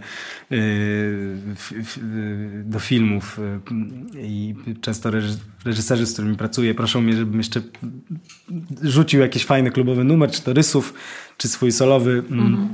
i widuję te sceny i to dosyć komicznie wygląda. I wtedy sobie oczywiście zawsze myślę, że kurczę, jak fajnie byłoby tym ludziom, wiesz, tak solidnie polać i puścić im najlepszą, najlepszą aktualną Polać muzykę. muzyki oczywiście. Polać muzyki tylko i Mhm. najle- najlepszą możliwą muzykę, wiesz, aktualną muzykę klubową i, i wtedy dać im się naturalnie Jasne. pobawić na planie. I takie eksperymenty, eksperymenty w ogóle były, były w kinie, że tak naprawdę nakręcono imprezę, przecież Mhm. całe filmy kręcono na, na jednej długiej imprezie i yy, na średniej trzeźwości i to się, wiesz, to się broni w obrazku lepiej, no ale właśnie wtedy masz inne, inne problemy. Jasne, to, wtedy, to są sceny bezdialogowe prawdopodobnie wtedy. tak, tak, tak, dokładnie. Ale to porozmawiajmy w takim razie o tej e, kompozytorskiej e, twojej działalności, bo chciałabym, e, żebyś nam trochę opowiedział od, od strony właśnie pracy nad muzyką do filmu czy serialu. Jak to wygląda, jak twój warsztat wygląda, jak się za to zabierasz, na którym etapie przede wszystkim dostajesz, nie wiem, czy od scenariusza się zaczyna, czy już dostajesz jakieś gotowe sceny i dopiero na tych scenach pracujesz? To oczywiście bardzo różnie wy- wygląda. Teraz w dzisiejszych czasach wszystko wiesz, dzieje się coraz szybciej, coraz bardziej zdalnie ostatnio też, więc faktycznie ta praca, mm, ten, praca kompozytora już zaczęła się y, wydarzać na etapie postprodukcji najczęściej. Że rzeczywiście wcześniej jest ten cały etap y, researchu, y, pisania scenariusza, potem grania na planie i tam często już reżyserzy czy producenci posługują się muzyką roboczą, a kompozytor rzeczywiście wkracza na etapie już, kiedy jest nakręcony film i kiedy już jest właściwie zrobiona jakaś pierwsza wersja montażowa. I musi dorównać tej muzyce roboczej. Tak, musi dorównać tej roboczej często i też przy- przyzwyczajeniom już y, ekipy, która już zdążyła przywyknąć do jakiejś roboczej muzyki, więc to jest pierwszy, pierwszy problem. Yy, I to jest niestety dosyć późno, kiedy kompozytor wkracza. I, i w, zdarzało mi się być też przy projektach od samego początku. Tak mam na przykład w teatrze, bo ja bardzo lubię też pracować z teatrem i bardzo dużo spektakli robię muzyki do spektakli. Tam jest z kolei rzeczywiście podoba mi się to, że ja się widzę z aktorami już na pierwszym czytaniu scenariusza. Ja już jestem w tym świecie, już wchodzę w ten, jestem na próbach, jestem przy tych wzlotach i upadkach. Jest ta energia też, jakaś Tak. dynamika między postaciami, między ludźmi także i ty w to wchodzisz i możesz to Tak. poczuć. Jakiś nerw w tym jest. A- Tak, jestem w ogóle z żywymi ludźmi i zresztą do tej pory tak mam, że jak przyjeżdżam do, no na przykład, nie wiem, do Gdańska, gdzie kręciliśmy mapę i terytorium z Eweliną Marciniak, no to ja się w ogóle czuję znowu bohaterem tego spektaklu, jak u, wiesz, u Elbeka. I ja do tych aktorów często mówię imionami ze spektaklu. Oni już byli pięć premier dalej, już w ogóle to dla nich jest kolejna robota. A ja wchodzę w tą, wiesz, w tą atmosferę, bo mi się tak to udziela i za- i dalej jestem w tym świecie. I cała muzyka, która wtedy powstaje jest jest bardzo też osobista. W filmie muszę sobie tą mm, atmosferę i tą zajawkę, wiesz, wykształcić s- niestety sam najczęściej, czy z reżyserem, e, na całe szczęście, ale na tym planie nie jestem. I, w- I to jest, to jest oczywiście problem, ale to, ty wiesz, wyzwanie, któremu trzeba sprostać. Staram się po prostu jak najbardziej potem wiele razy oglądać ten, ten montaż, e, wczuwać w, w relacje bohaterów. Więc jeśli pytasz o warsztat kompozytora muzyki filmowej, to przede wszystkim mm, pierwszą rzeczą to, to dla mnie w filmie są, są relacje i emocje, bo o tym jest w ogóle muzyka filmowa, o relacjach, o emocjach i o napięciach, a potem tak naprawdę e, ten, ten schemat, który zauważysz w filmie, że już pracuje, już wytwarzają się pewne relacje i opowieści, no to ty się starasz tą muzyką e, w nim odnaleźć. Niekoniecznie go powtórzyć, może mu przeciw, przeciwważyć czasami w jakiś twórczy sposób, może go czasami, wiesz, urywać, że buduje się gdzieś relacja, a muzyka jest po prostu głucha przez nagle, przez ileś minut i, i to też tworzy napięcie. Więc y, ty próbujesz po prostu jest włożyć tego nowego bohatera, jakim jest muzyka, na bazie emocji i relacji. Więc de facto, jak pierwsza rzecz, którą oglądam film, jak, jak widzę montaż bez muzyki, albo z tą roboczą muzyką, chociaż ja zazwyczaj ten pierwszy montaż proszę o wywalenie tej roboczej muzyki, żeby, Żeby się suger- też absolutnie nie sugerować Tak. niczym. Mhm. Więc pierwsza rzecz staram się zrozumieć głównego bohatera, kim jest, kim chce być, kim jest na początku, kim na końcu, jaka jest jego przemiana i wiesz, i kogo kocha, kogo lubi, kogo nienawidzi, jakie ma podstawowe relacje. Jeśli to zrozumiem, to potem sobie myślę, dobra, to teraz wejdzie ta muzyka, ona będzie najczęściej z nim, a może być z tymi ludźmi. Jak te relacje mogę, mm, mogę pod, pod, poprawić, jak mogę je wzmocnić, a czy tak wzmocnić działanie, żeby też widz po prostu koniec końców obejrzał, e, obejrzał i coś przeżył z tym bohaterem. Jeśli, I całe szczęście, mam szczęście pracować przy produkcjach, przy których jest, się, są duże przemiany bohaterów. Właściwie to jest dla mnie najważniejsze. Jak widzę, że bohater się zmienia w filmie, to ja wiem też, że moja muzyka w trakcie tego filmu będzie miała mnóstwo pracy i ja będę miał mnóstwo pięknej pracy i to wtedy jestem w domu. Tak klasycznie myśląc o, o muzyce filmowej, to y, myślę, że ci y, kompozytorzy z największymi nazwiskami nas przyzwyczaili do tego, że zawsze jest jakiś taki motyw przewodni, jakiś leitmotyw, który się pojawia, wraca w różnych aranżacjach, y, czasami w tle, czasami w pierwszym planie. Każdy bohater ma, z tych ważniejszych, ma jakąś swoją melodię, jakiś muzyczny motyw, który się pojawia, kiedy oni się pojawiają na ekranie. Ja już tu nie mówię oczywiście o, tym, o tych najsłynniejszych motywach, typu, nie wiem, jak słyszysz Marsz Imperialny, w e, Williamsa w Gwiezdnych Wojnach, to wiesz, kto się zbliża idzie, tak, i tak, tak, dalej. I wystarczy sobie zanucić i dreszcz po plecach idzie, wiadomo. Ale mm, czy ty też tak pracujesz, czy, czy, czy to jest na przykład w tym takim współczesnym już podejściu też bardziej e, może odchodzącym od tego e, traktowania też muzyki filmowej jako pewnej takiej, bo mam wrażenie, że to trochę tak jest, że muzyka filmowa jest jakimś odpowiednikiem takiej popularnej muzyki klasycznej. Mozart, gdyby żył teraz, to by pewnie pisał muzykę filmową, tak, tak mi się wydaje. Pewnie też również. E, wiesz, odpowiadając na twoje pytanie, y, na pewno muzyka przez lata mm, i producenci filmowi ogólnie, tak to nazwijmy, ludzie, którzy tworzą filmy, nauczyli się jej używać też y, mm, y, wszystkich ich, jej atutów. Muzyka jest, szybko tworzy skojarzenia i konotacje, tak? Bardzo szybko, bo przez dźwięk możesz, możesz coś sprzedać. Dajesz też w pewnym sensie takie dodatkowe narzędzie w filmie, że możesz coś sprzedać zanim się pojawi. Mhm. Albo nie daj Boże czegoś nie nakręcisz, ratujesz to, próbujesz to uratować muzyką. Także generalnie pojawiają się rzeczy, które, które niekoniecznie muszą być w obrazku. To jest ogromny atut. Jest też cały ten aspekt takiego mm, czegoś, co również funkcjonuje w reklamie świetnie, takiego sound brandingu, tak? Że coś po prostu szybko zaczynasz od początku układać, że ten dźwięk to jest, wiesz, to jest dźwięk tego tego produktu, tego czegoś tam w reklamie to działa, w filmie, prawda, tego bohatera, czy tego nastroju. I rzeczywiście, tak jak mówisz, Marsz Imperialny, czy, czy, czy takie znane, głośne przykłady, jak, jak, jak w Jokerze, jak w Batmanie, yy, yy, gdzie się pojawiał Joker, to tam charakterystyczny dźwięk już podprogowo mhm. funkcjonował zawsze wcześniej. Już wiadomo było, że coś się zaraz yy, zepsuje. Czy w ogóle, I to, to całe tradycyjne bardzo podejście, mówię tradycyjne, bo rzeczywiście od niego się troszkę odchodzi, że każdy bohater ma gdzieś swój temat muzyczny. Więc jeśli miałbym powiedzieć, czy ja to stosuję, ja to wiem, ja wiem, że tak jest i czasami się staram to ugryźć, ale też ja od tego świadomie odchodzę. Mhm. Zdarzają mi się takie soundtracki, gdzie tych tematów bohaterów y, nie ma. Na przykład jest brzmienie bohaterów, są konkretne brzmienia. Ja w ogóle bardzo mocno opieram się na brzmieniu. Jestem z innego rozdania kompozytorem i i u mnie tej, tej takiej klasycznej kompozycji, melodyki, wiesz, tego rozwoju yy, harmonicznego, progresji całej, nie, nie ma, bo ja tego nie szukam do końca. Mhm. A na przykład jest brzmienie, zdarzają się, wiesz, jedne długie, miarowe, pojedyncze dźwięki, które po prostu się cały czas poszerzają brzmieniowo i pogłębiają i ja, ja, ja tutaj szukam. To jest mój, mój, mój styl i tam nie do końca jest miejsce na tematy muzyczne rozbudowane. Jasne. Ale na przykład właśnie na, na, na charakter brzmieniowy. I rzeczywiście chociażby w ostatnim serialu, który robiłem, mm, to pierwsze, co sobie odpowiedziałem, znaczy zauważyłem, że są tutaj w scenariuszu ewidentnie dwa światy, bardzo z siebie sprzeczne.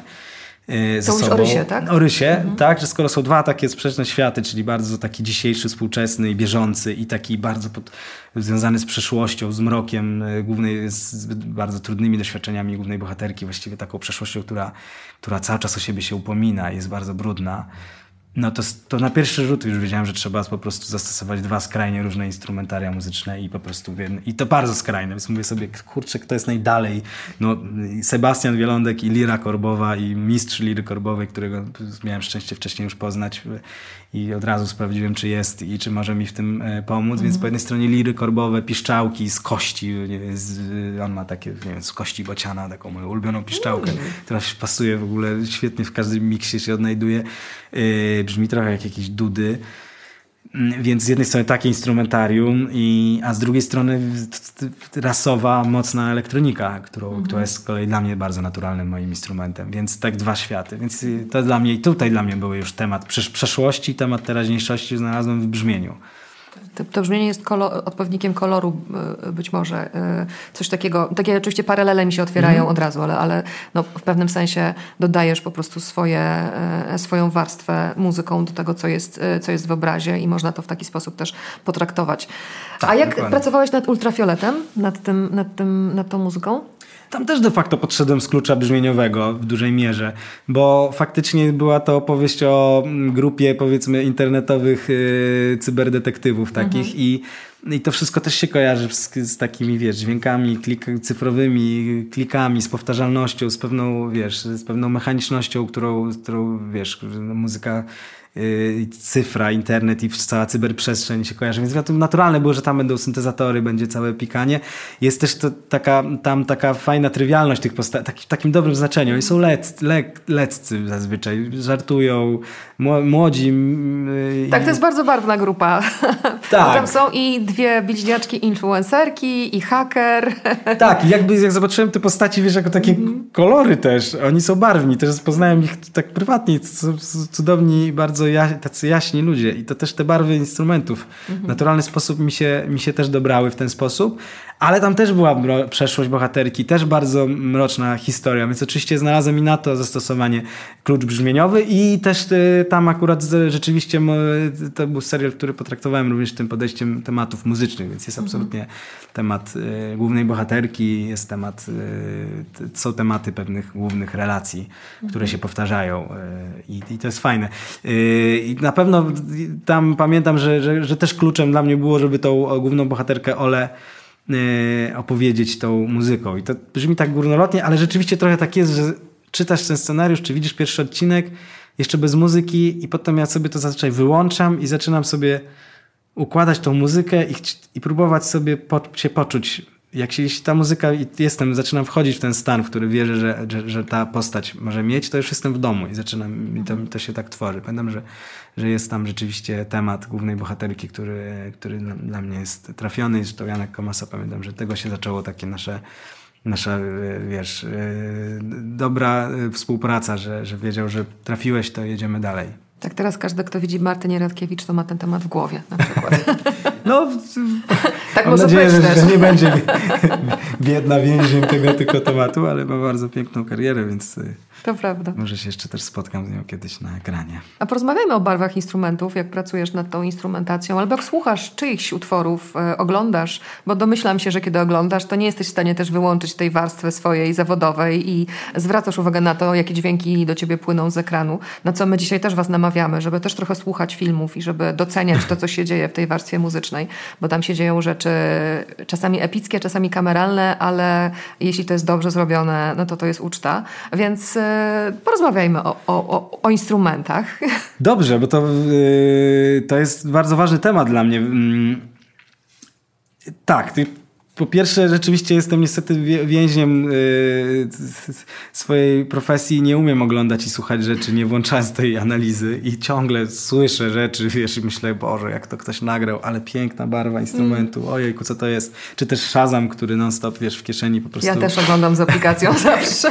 tak, to Shazam jest, jest, wiesz, obok po prostu, obok e, Messengera, główną aplikacją chyba moją i więc jeśli chodzi o barwy, mm, wiesz, rzeczywiście ciężko rozmawiać dzisiaj o muzyce, nie rozmawiać o muzyce filmowej, nie rozmawiając o barwach instrumentów, mhm. bo te ostatnie, e, ostatnie lata i rozwój muzyki filmowej i to, jak ona się pięknie, wiesz, umieściła, jak się rozwija w, wraz z rozwojem kina, to myślę, że w dużej mierze jest rozmowa o barwach instrumentów, bo mm, gdzieś tam y, tradycyjne podejście już stricte kompozycyjne, symfoniczne wręcz. Ono oczywiście istnieje i cały czas ma swoje miejsce, ale wykształciła się cała, wiesz, wielka odnoga kompozytorów, którzy kombinują i mhm. eksperymentują. I to jest y, i całe poszukiwania brzmieniowe, bo jakby sobie zresztą tak ogólnie, bo to wszystko oczywiście rozmawiamy na dość ogólnym, y, na każdą tezę można znaleźć antytezę, ale gdzieś ogólne ogólne kierunki widać, że faktycznie tej, ta muzyka y,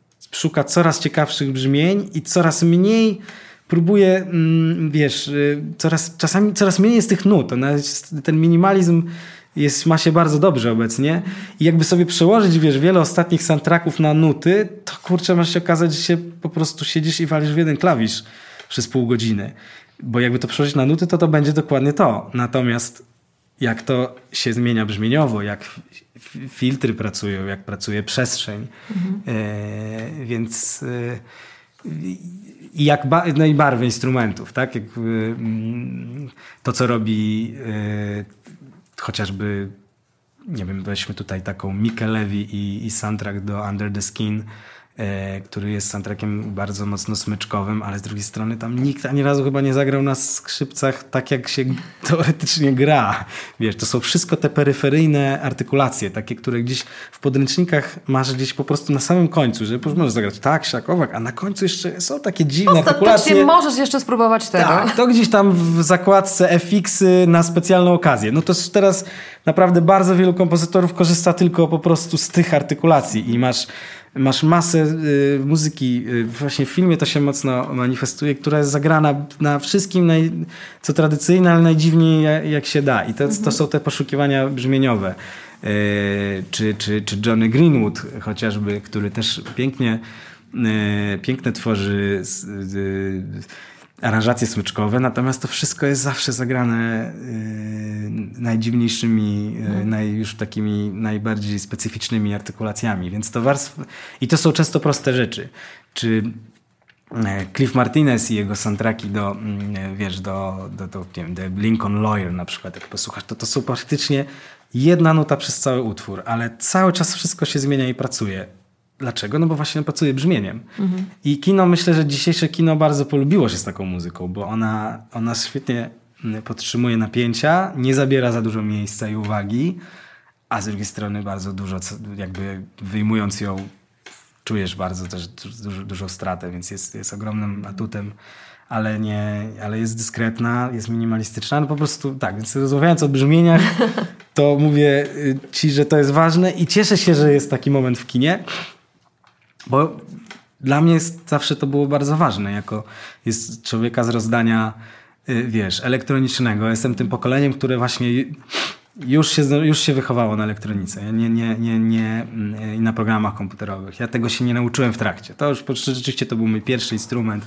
Od tego zaczynałem, od tych pierwszych, wiesz, abletonów czy innych programów. I to jest, z tego, co się orientuję, to właśnie już y, to pokolenie wyżej ode mnie, to, to oni oczywiście byli wcześniej ludzie, którzy się świetnie tym zajmowali, ale to już byli często na przykład, to jeszcze wcześniej zdążyli mieć kapelę rockową, tak. musieli się przejść na tę elektronikę. Dla mnie to już jest coś super mhm. naturalnego. Ja zaczynałem, wiesz, pod koniec lat 90. na pierwszych, najprostszych jakichś takich programach komputerowych do robienia muzy y, i, i to i z tego rozdania jestem. Z tego rozdania w tej muzyce filmowej znalazłem dla siebie miejsce i mhm. bardzo się cieszę, że mogę mogę, mogę to całe swoje brzmieniowe, wiesz, zaplecze w, w kinie, jest na to miejsce. I widzę, że coraz większe i coraz mhm. większe jest zainteresowanie tym, tym podejściem. E, więc jeśli też tak po prostu technicznie z mojej strony, no to dosyć szybko odnajduję emocje w muzyce, ale nie, nie wchodzę dużo głębiej już w, w kwestię takiej tradycyjnie pojmowanej kompozycji. Mhm. Nie, nie, nie, nie szukam cały czas jakichś, e, jakichś zmian. Jak znajdę dobry jeden interwał, dwa dźwięki, to działa pod sceną, jest okej. Okay. Ktoś tradycyjnie może powiedzieć, Chłopie, to są dwie nuty, są do ludzi, nie? A ja byłem... No, ale wiesz, Williams też znalazł dwa dźwięki do szczęk i to był jeden z, to jest jeden z najsłynniejszych jego motywów. Podobno Spielberg się roześmiał, jak usłyszał, bo myślał, że to, żart, że to jest żart, że on... Ale y, okazało się, że to zagrało znakomicie, więc y, no, zdarzają się też tym, y, na których mówimy maestro, takie, takie, takie, motywy, które się, które rzeczywiście jakoś tam, myślę, korespondują z tym, o czym ty mówisz, ale ponieważ wspomniałam, padło już parę nazwisk, bardzo I tu barwa kluczowa była w to jest no kluczowa właśnie, barwa. W tak. tych dwóch dźwiękach, jakby tak. to inny instrument grał, inna barwa, to jest tak. znakomicie dobrana barwa. Padło nazwisko Greenwood, z czego się bardzo cieszę, ale też Tom York e, z, z, z Luką Guadagnino przy Suspiri pracował i też przy Osieroconym Brooklynie się pojawił e, jako autor muzyki, więc ja się bardzo cieszę, że e, przezdolni muzycy Radiohead też w, w ten sposób się odnajdują i to w znakomitych filmach. Ale chciałabym, żeby jeszcze ciebie jako słuchacza też i widza zapytać. Mhm. Tego oczywiście, mówiąc w cudzysłowie, skażonego zawodem i oglądającego z, z, bardzo specyficznej perspektywy, ale które nazwiska z tych współczesnych właśnie kompozytorów, czy kompozytorek też um, e, przychodzą Ci do głowy, jeśli mowa o właśnie takim podejściu do muzyki filmowej, które Ci się podoba? Wiesz, naturalnie jestem pełen podziwu dla tych y, klasyków i dla, dla, dla ludzi, których warsztat y, kompozycyjny mnie po prostu będzie zawsze inspirował. I, e, ale, Nikt im tego nie odbierze. To tak, tak. To jest giganci. dokładnie. I tutaj y, można byłoby oczywiście wymienić te 10 nazwisk, które każdy zna. Ale faktycznie bacznie się przyglądam tej grupie y, odmieńców, odszczepieńców, którzy kombinują zupełnie z innym podejściem. Którzy są cały czas w tej samej materii, bo cały czas mówimy o muzyce, która pracuje o tych napięciach. O tej, jak to się zgadza, to, to potem możesz być, wiesz, możesz grać na wszystkim, możesz to nawet na flecie zrealizować wszystko, albo wiesz, na syntezatorze modularnym. Tutaj nie ten instrument i dopóki to będzie pracować z tymi napięciami, jest, jest bardzo otwarte, masz otwarte, e, otwarte wrota do tego świata. I dlatego interesują mnie ludzie, którzy właśnie ciekawie dobierają te instrumenty, są z różnego rozdania.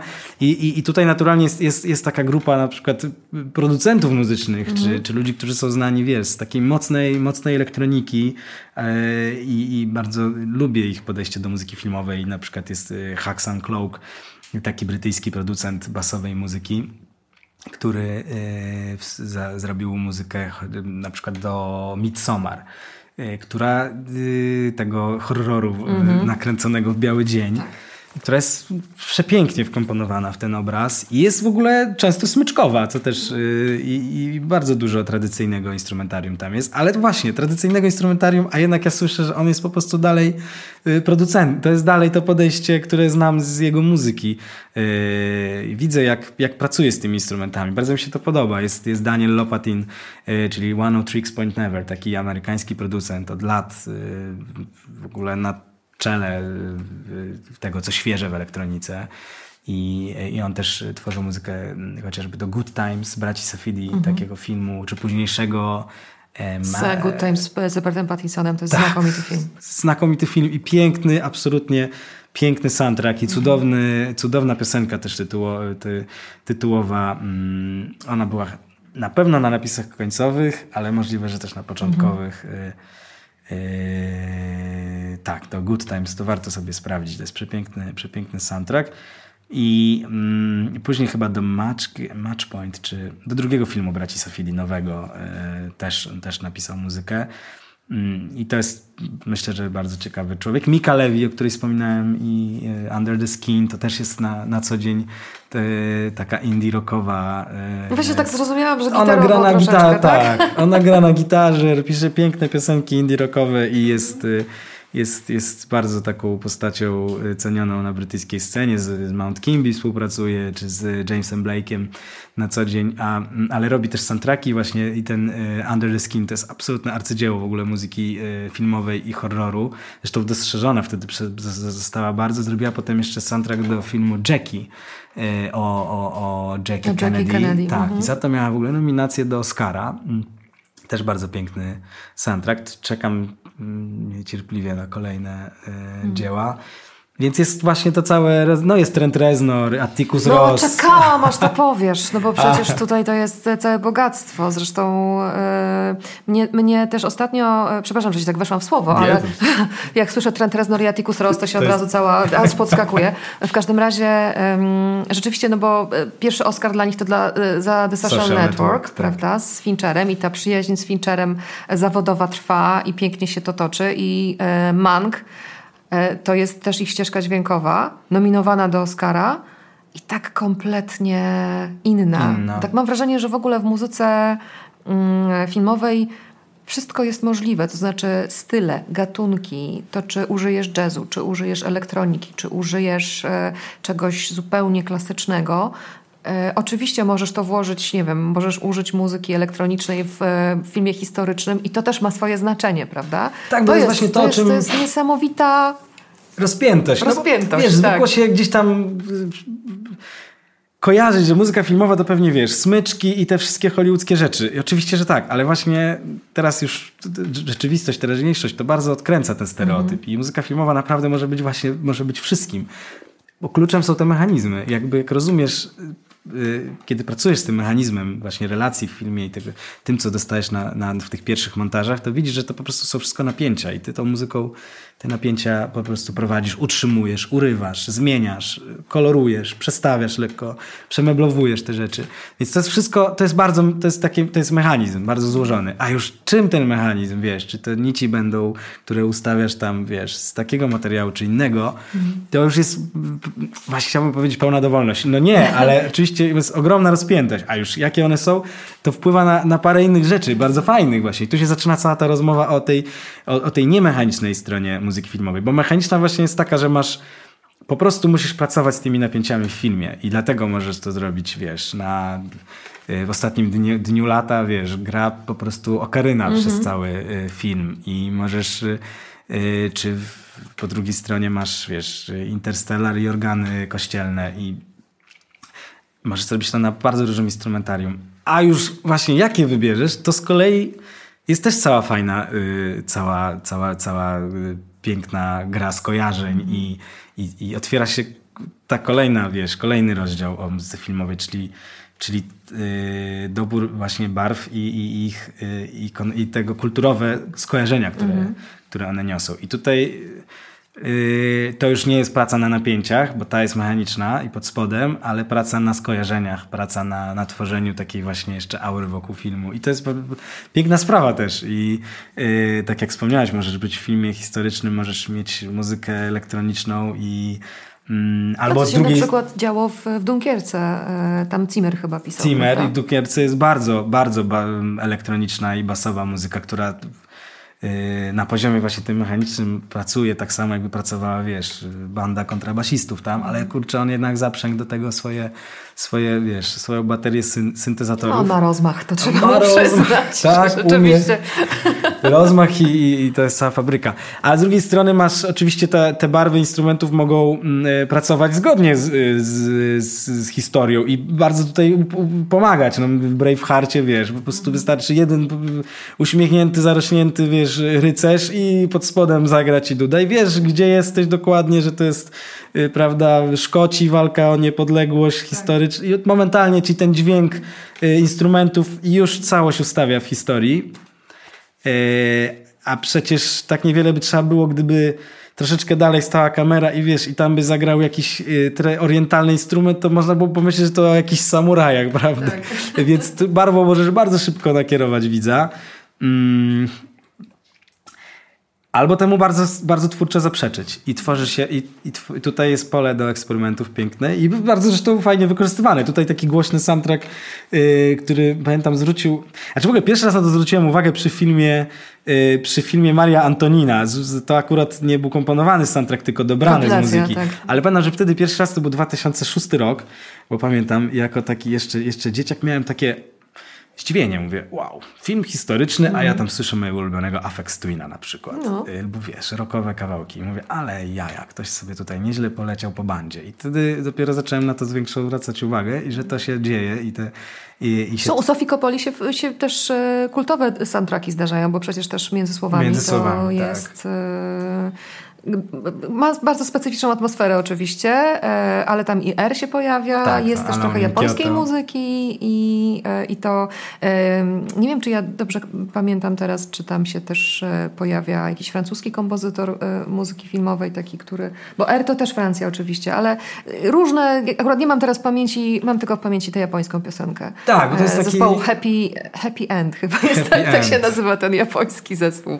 Tak, no jest R właśnie też mhm. i to, to taki przykład przykład filmu, który zasłynął tym dobranym soundtrackiem. Tak y, a nie komponowanym oryginalnie. Niemniej jednak pamiętam właśnie, że Maria, film Maria Antoniny Sofii Coppoli zwrócił nam uwagę na tą na to fajne zaprzeczenie, które można zastosować y, świata przedstawionego w filmie mm i ewidentnej prawdy historycznej i ewidentnego w ogóle, wiesz, zaprzeczenia poprzez muzykę, która była bardzo aktualna.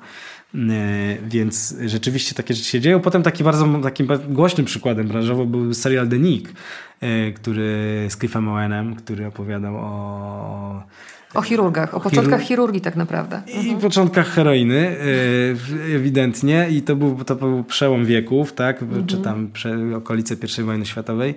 A, I bardzo mocna elektroniczna, taka, wiesz, arpeggiowana, powtarzalna muzyka Cliffa Martineza. Świetny soundtrack, bardzo taki wiesz, szorstki i, i głęboki, brzmieniowo zarazem. I, i, i ten, to totalne zaprzeczenie, te konie na ulicach i dżentelmeni w, w kapeluszach. I, I ta muzyka, z tego co pamiętam, taka pulsująca bardzo. Cały czas tak, cały czas. Taka pod, utrzymująca tak. na krawędzi krzesła, prawda? Tak, tak, mhm. tak. Świetny soundtrack, bardzo mocny i to, to jest właśnie przykład takiego twórczego wiesz, zaprzeczenia czasom, bardzo udany i to się teraz dzieje w kinie coraz częściej. Jeszcze chciałabym na Islandię na moment się wybrać, bo myślę, że te nazwiska w naszej rozmowie muszą paść, bo mówię o, oczywiście o Johanie Johanssonie nieodżałowanym, który na przykład ścieżka do Sicario. Piękne. Czy generalnie wszystko, co zrobił z Denisem Villeneuve'em, e, to, co się zdarzyło w filmie Nowy Początek, wykorzystanie głosów też. Tak, Tam jest taki motyw przewodni, który kończy film i to się nazywa Kangaroo i to jest coś niesamowitego, jak to się pięknie rozwija w tym filmie o kontakcie z obcą cywilizacją i o językoznawczyni w roli głównej. To jest Ja znam akurat sam soundtrack, bo ja Aha. dużo tych rzeczy, tak, dużo rzeczy też ciekawe. połykam bez, bez filmu. Słuchać najpierw muzyki, a potem dopiero ewentualnie sięgnąć po film. Tak, tak. Zdarza mi się już nie sięgać po film, muszę się przyznać bez bicia. Ale tak, no Johan Johansson na pewno świetny przykład też łączenia w ogóle elektroniki i, i tradycyjnego instrumentarium, ale też cały czas, wiesz, szuranego, granego po prostu w najmniej właściwy Tak. sposób.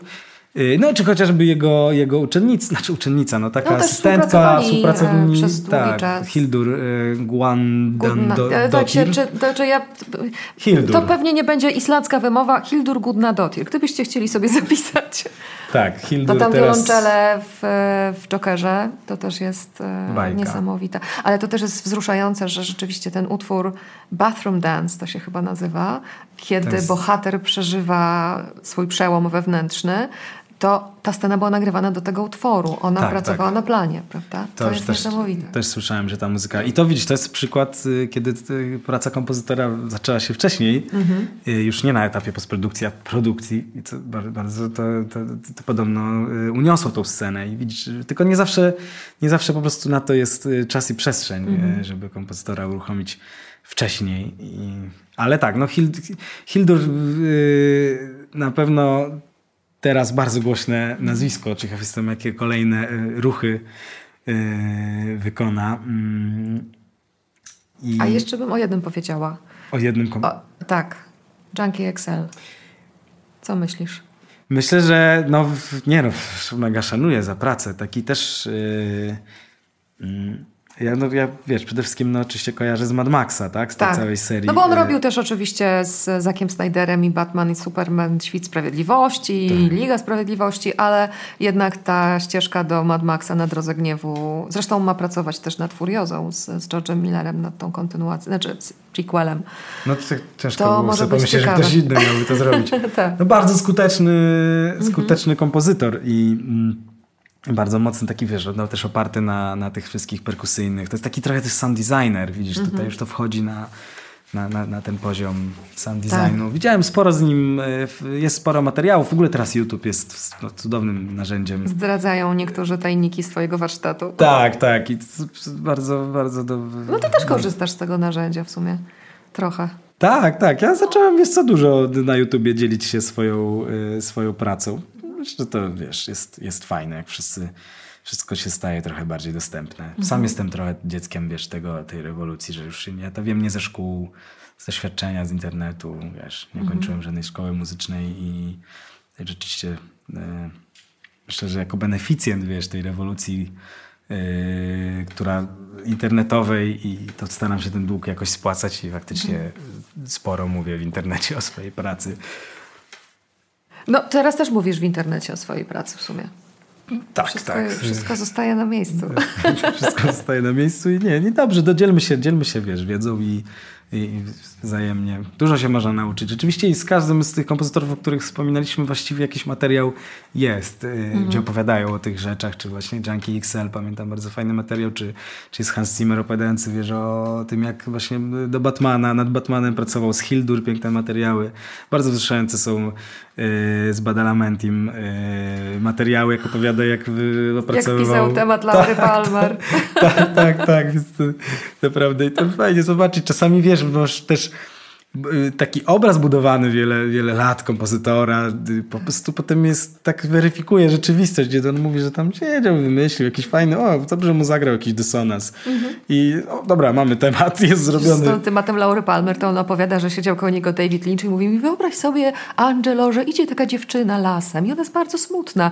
Wieje wiatr i nagle ta dziewczyna wyłania się, z, jest coraz bliżej. I, i, i, Angelo oczywiście improwizuje i nagle okazało się, że napisał. Tak, tak, no widzisz, to ze wspólnej... Jest to wzruszające tak, tak, tak. nagranie i wzruszająca historia. I że to jest takim anturażu bardzo domowym i, nie, niepozornym. Tak, no także to są, to są piękne historie.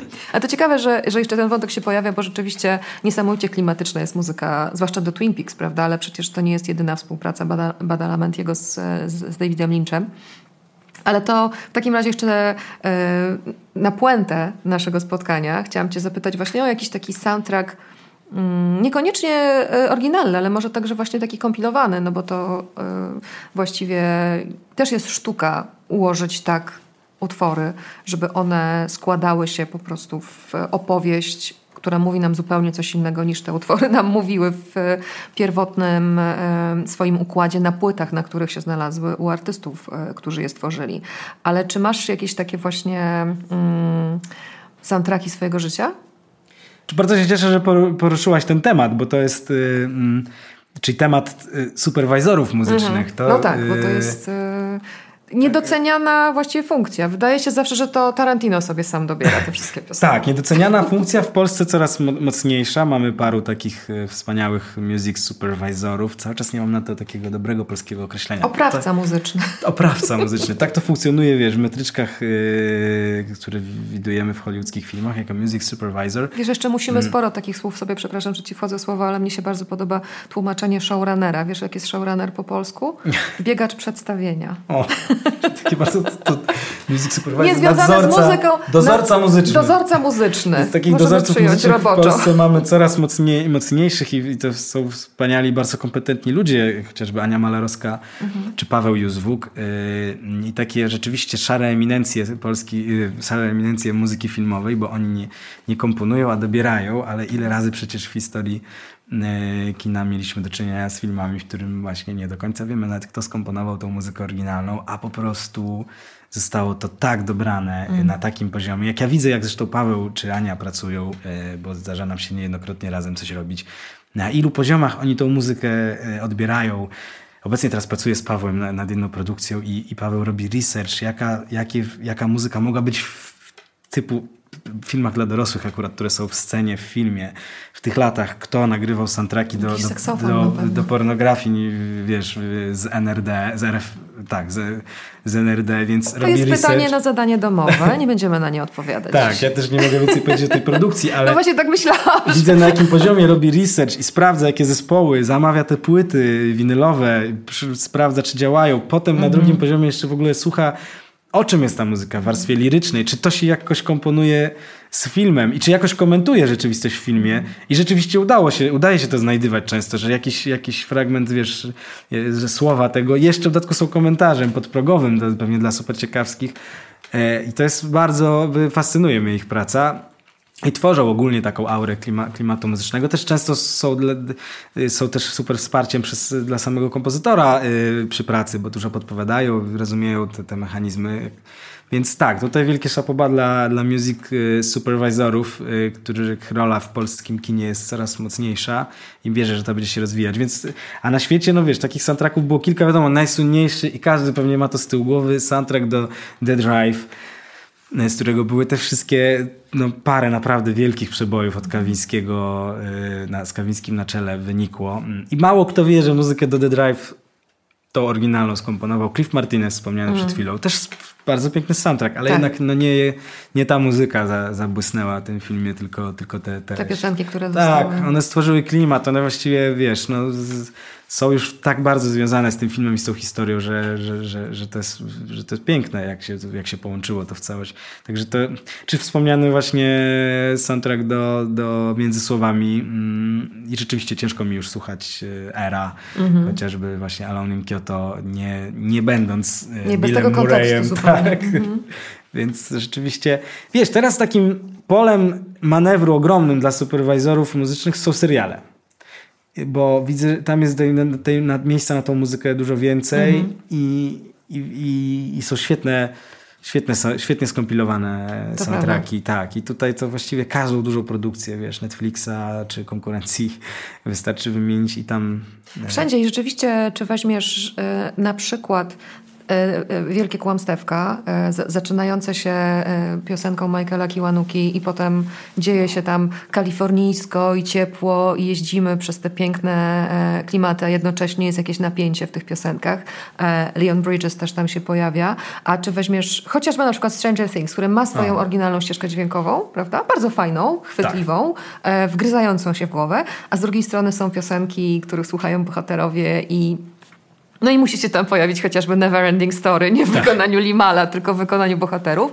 E, a jeszcze z trzeciej strony przypomina mi się Sex Education, e, w którym też są utwory bardzo różnorodne, a z drugiej strony na ścieżce dźwiękowej oryginalnej, wydanej e, jest tylko jeden artysta, który nazywa się Ezra Furman i który właściwie, ja go poznałam dzięki temu serialowi, bo to jest, dla mnie oglądanie też jest właśnie szukaniem nowych nazwisk, szukaniem nowych brzmień, szukaniem nowych artystów, do których bym nie miała Dużo dostępu. teraz, tak, wielu teraz artystów artystów się świetnie wypromowało mm na mhm. muzyce w serialach i tak jak Labyrinth chociażby w soundtrack do tak, Euforii. Euforia. Tak, no przecież doskonała rzecz i tam też właściwie to nie jest do końca, znaczy to, to jest muzyka bardzo samodzielna i bardzo chwytliwa i elektroniczna i e, a jednak filmowa też. Świetnie też brzmi tak. samodzielnie i świetnie brzmi e, e, z obrazem połączona. E, I, I to jest wszystko też, jeśli chodzi o te kompilacje, zasługa właśnie tych muzycznych dozorców, superwajzorów, którzy tak. nas zapoznają po prostu z całym swoim bogactwem swoich doświadczeń muzycznych i z tym, czego słuchają. No oni są bardzo czujni i bardzo odpowiedzialnie dobierają tych rzeczy i przekraczają też fajnie granice. Tu się, tu się często wydaje, wydarza ta, ta magia. Łączą te światy, prawda? Wrzucają utwór, który kompletnie nie jest z tego świata, kompletnie niby nie pasuje. Wytworzą, wiedzą o czym jest scena jak to razem zagra. No potem mają też ogromną, wiesz, też ciężką pracę, no bo też wykonują tą całą pracę licencyjną, mm -hmm. wiesz, szukają praw. Nie każdy chce się od razu zgodzić, że, żeby jego utwór w danej scenie był wykorzystany. Ale już mam wrażenie, że już mamy tyle tych soundtracków teraz w głowie, że a, zaraz, zaczniemy sobie, zaraz zaczniemy sobie słuchać. Mam nadzieję, że wy też po wysłuchaniu dzisiejszych naszych rozmów w Netflix Studio. Wojtek, bardzo ci dziękuję za to spotkanie. Również bardzo dziękuję. I Trzymam kciuki i y, powodzenia przy wszystkich Twoich projektach. Czekamy na Twoją muzykę. Wojtek Urbański był naszym gościem dzisiaj w Netflix Studio. E, a przesłanie na koniec tego spotkania. Słuchajmy także filmów. Bardzo, bardzo dużo ciekawych rzeczy się tam dzieje, jak słyszeliście też w naszych rozmowach. A Netflix Studio wraca wkrótce z kolejnym odcinkiem i z kolejnymi gośćmi. Do zobaczenia.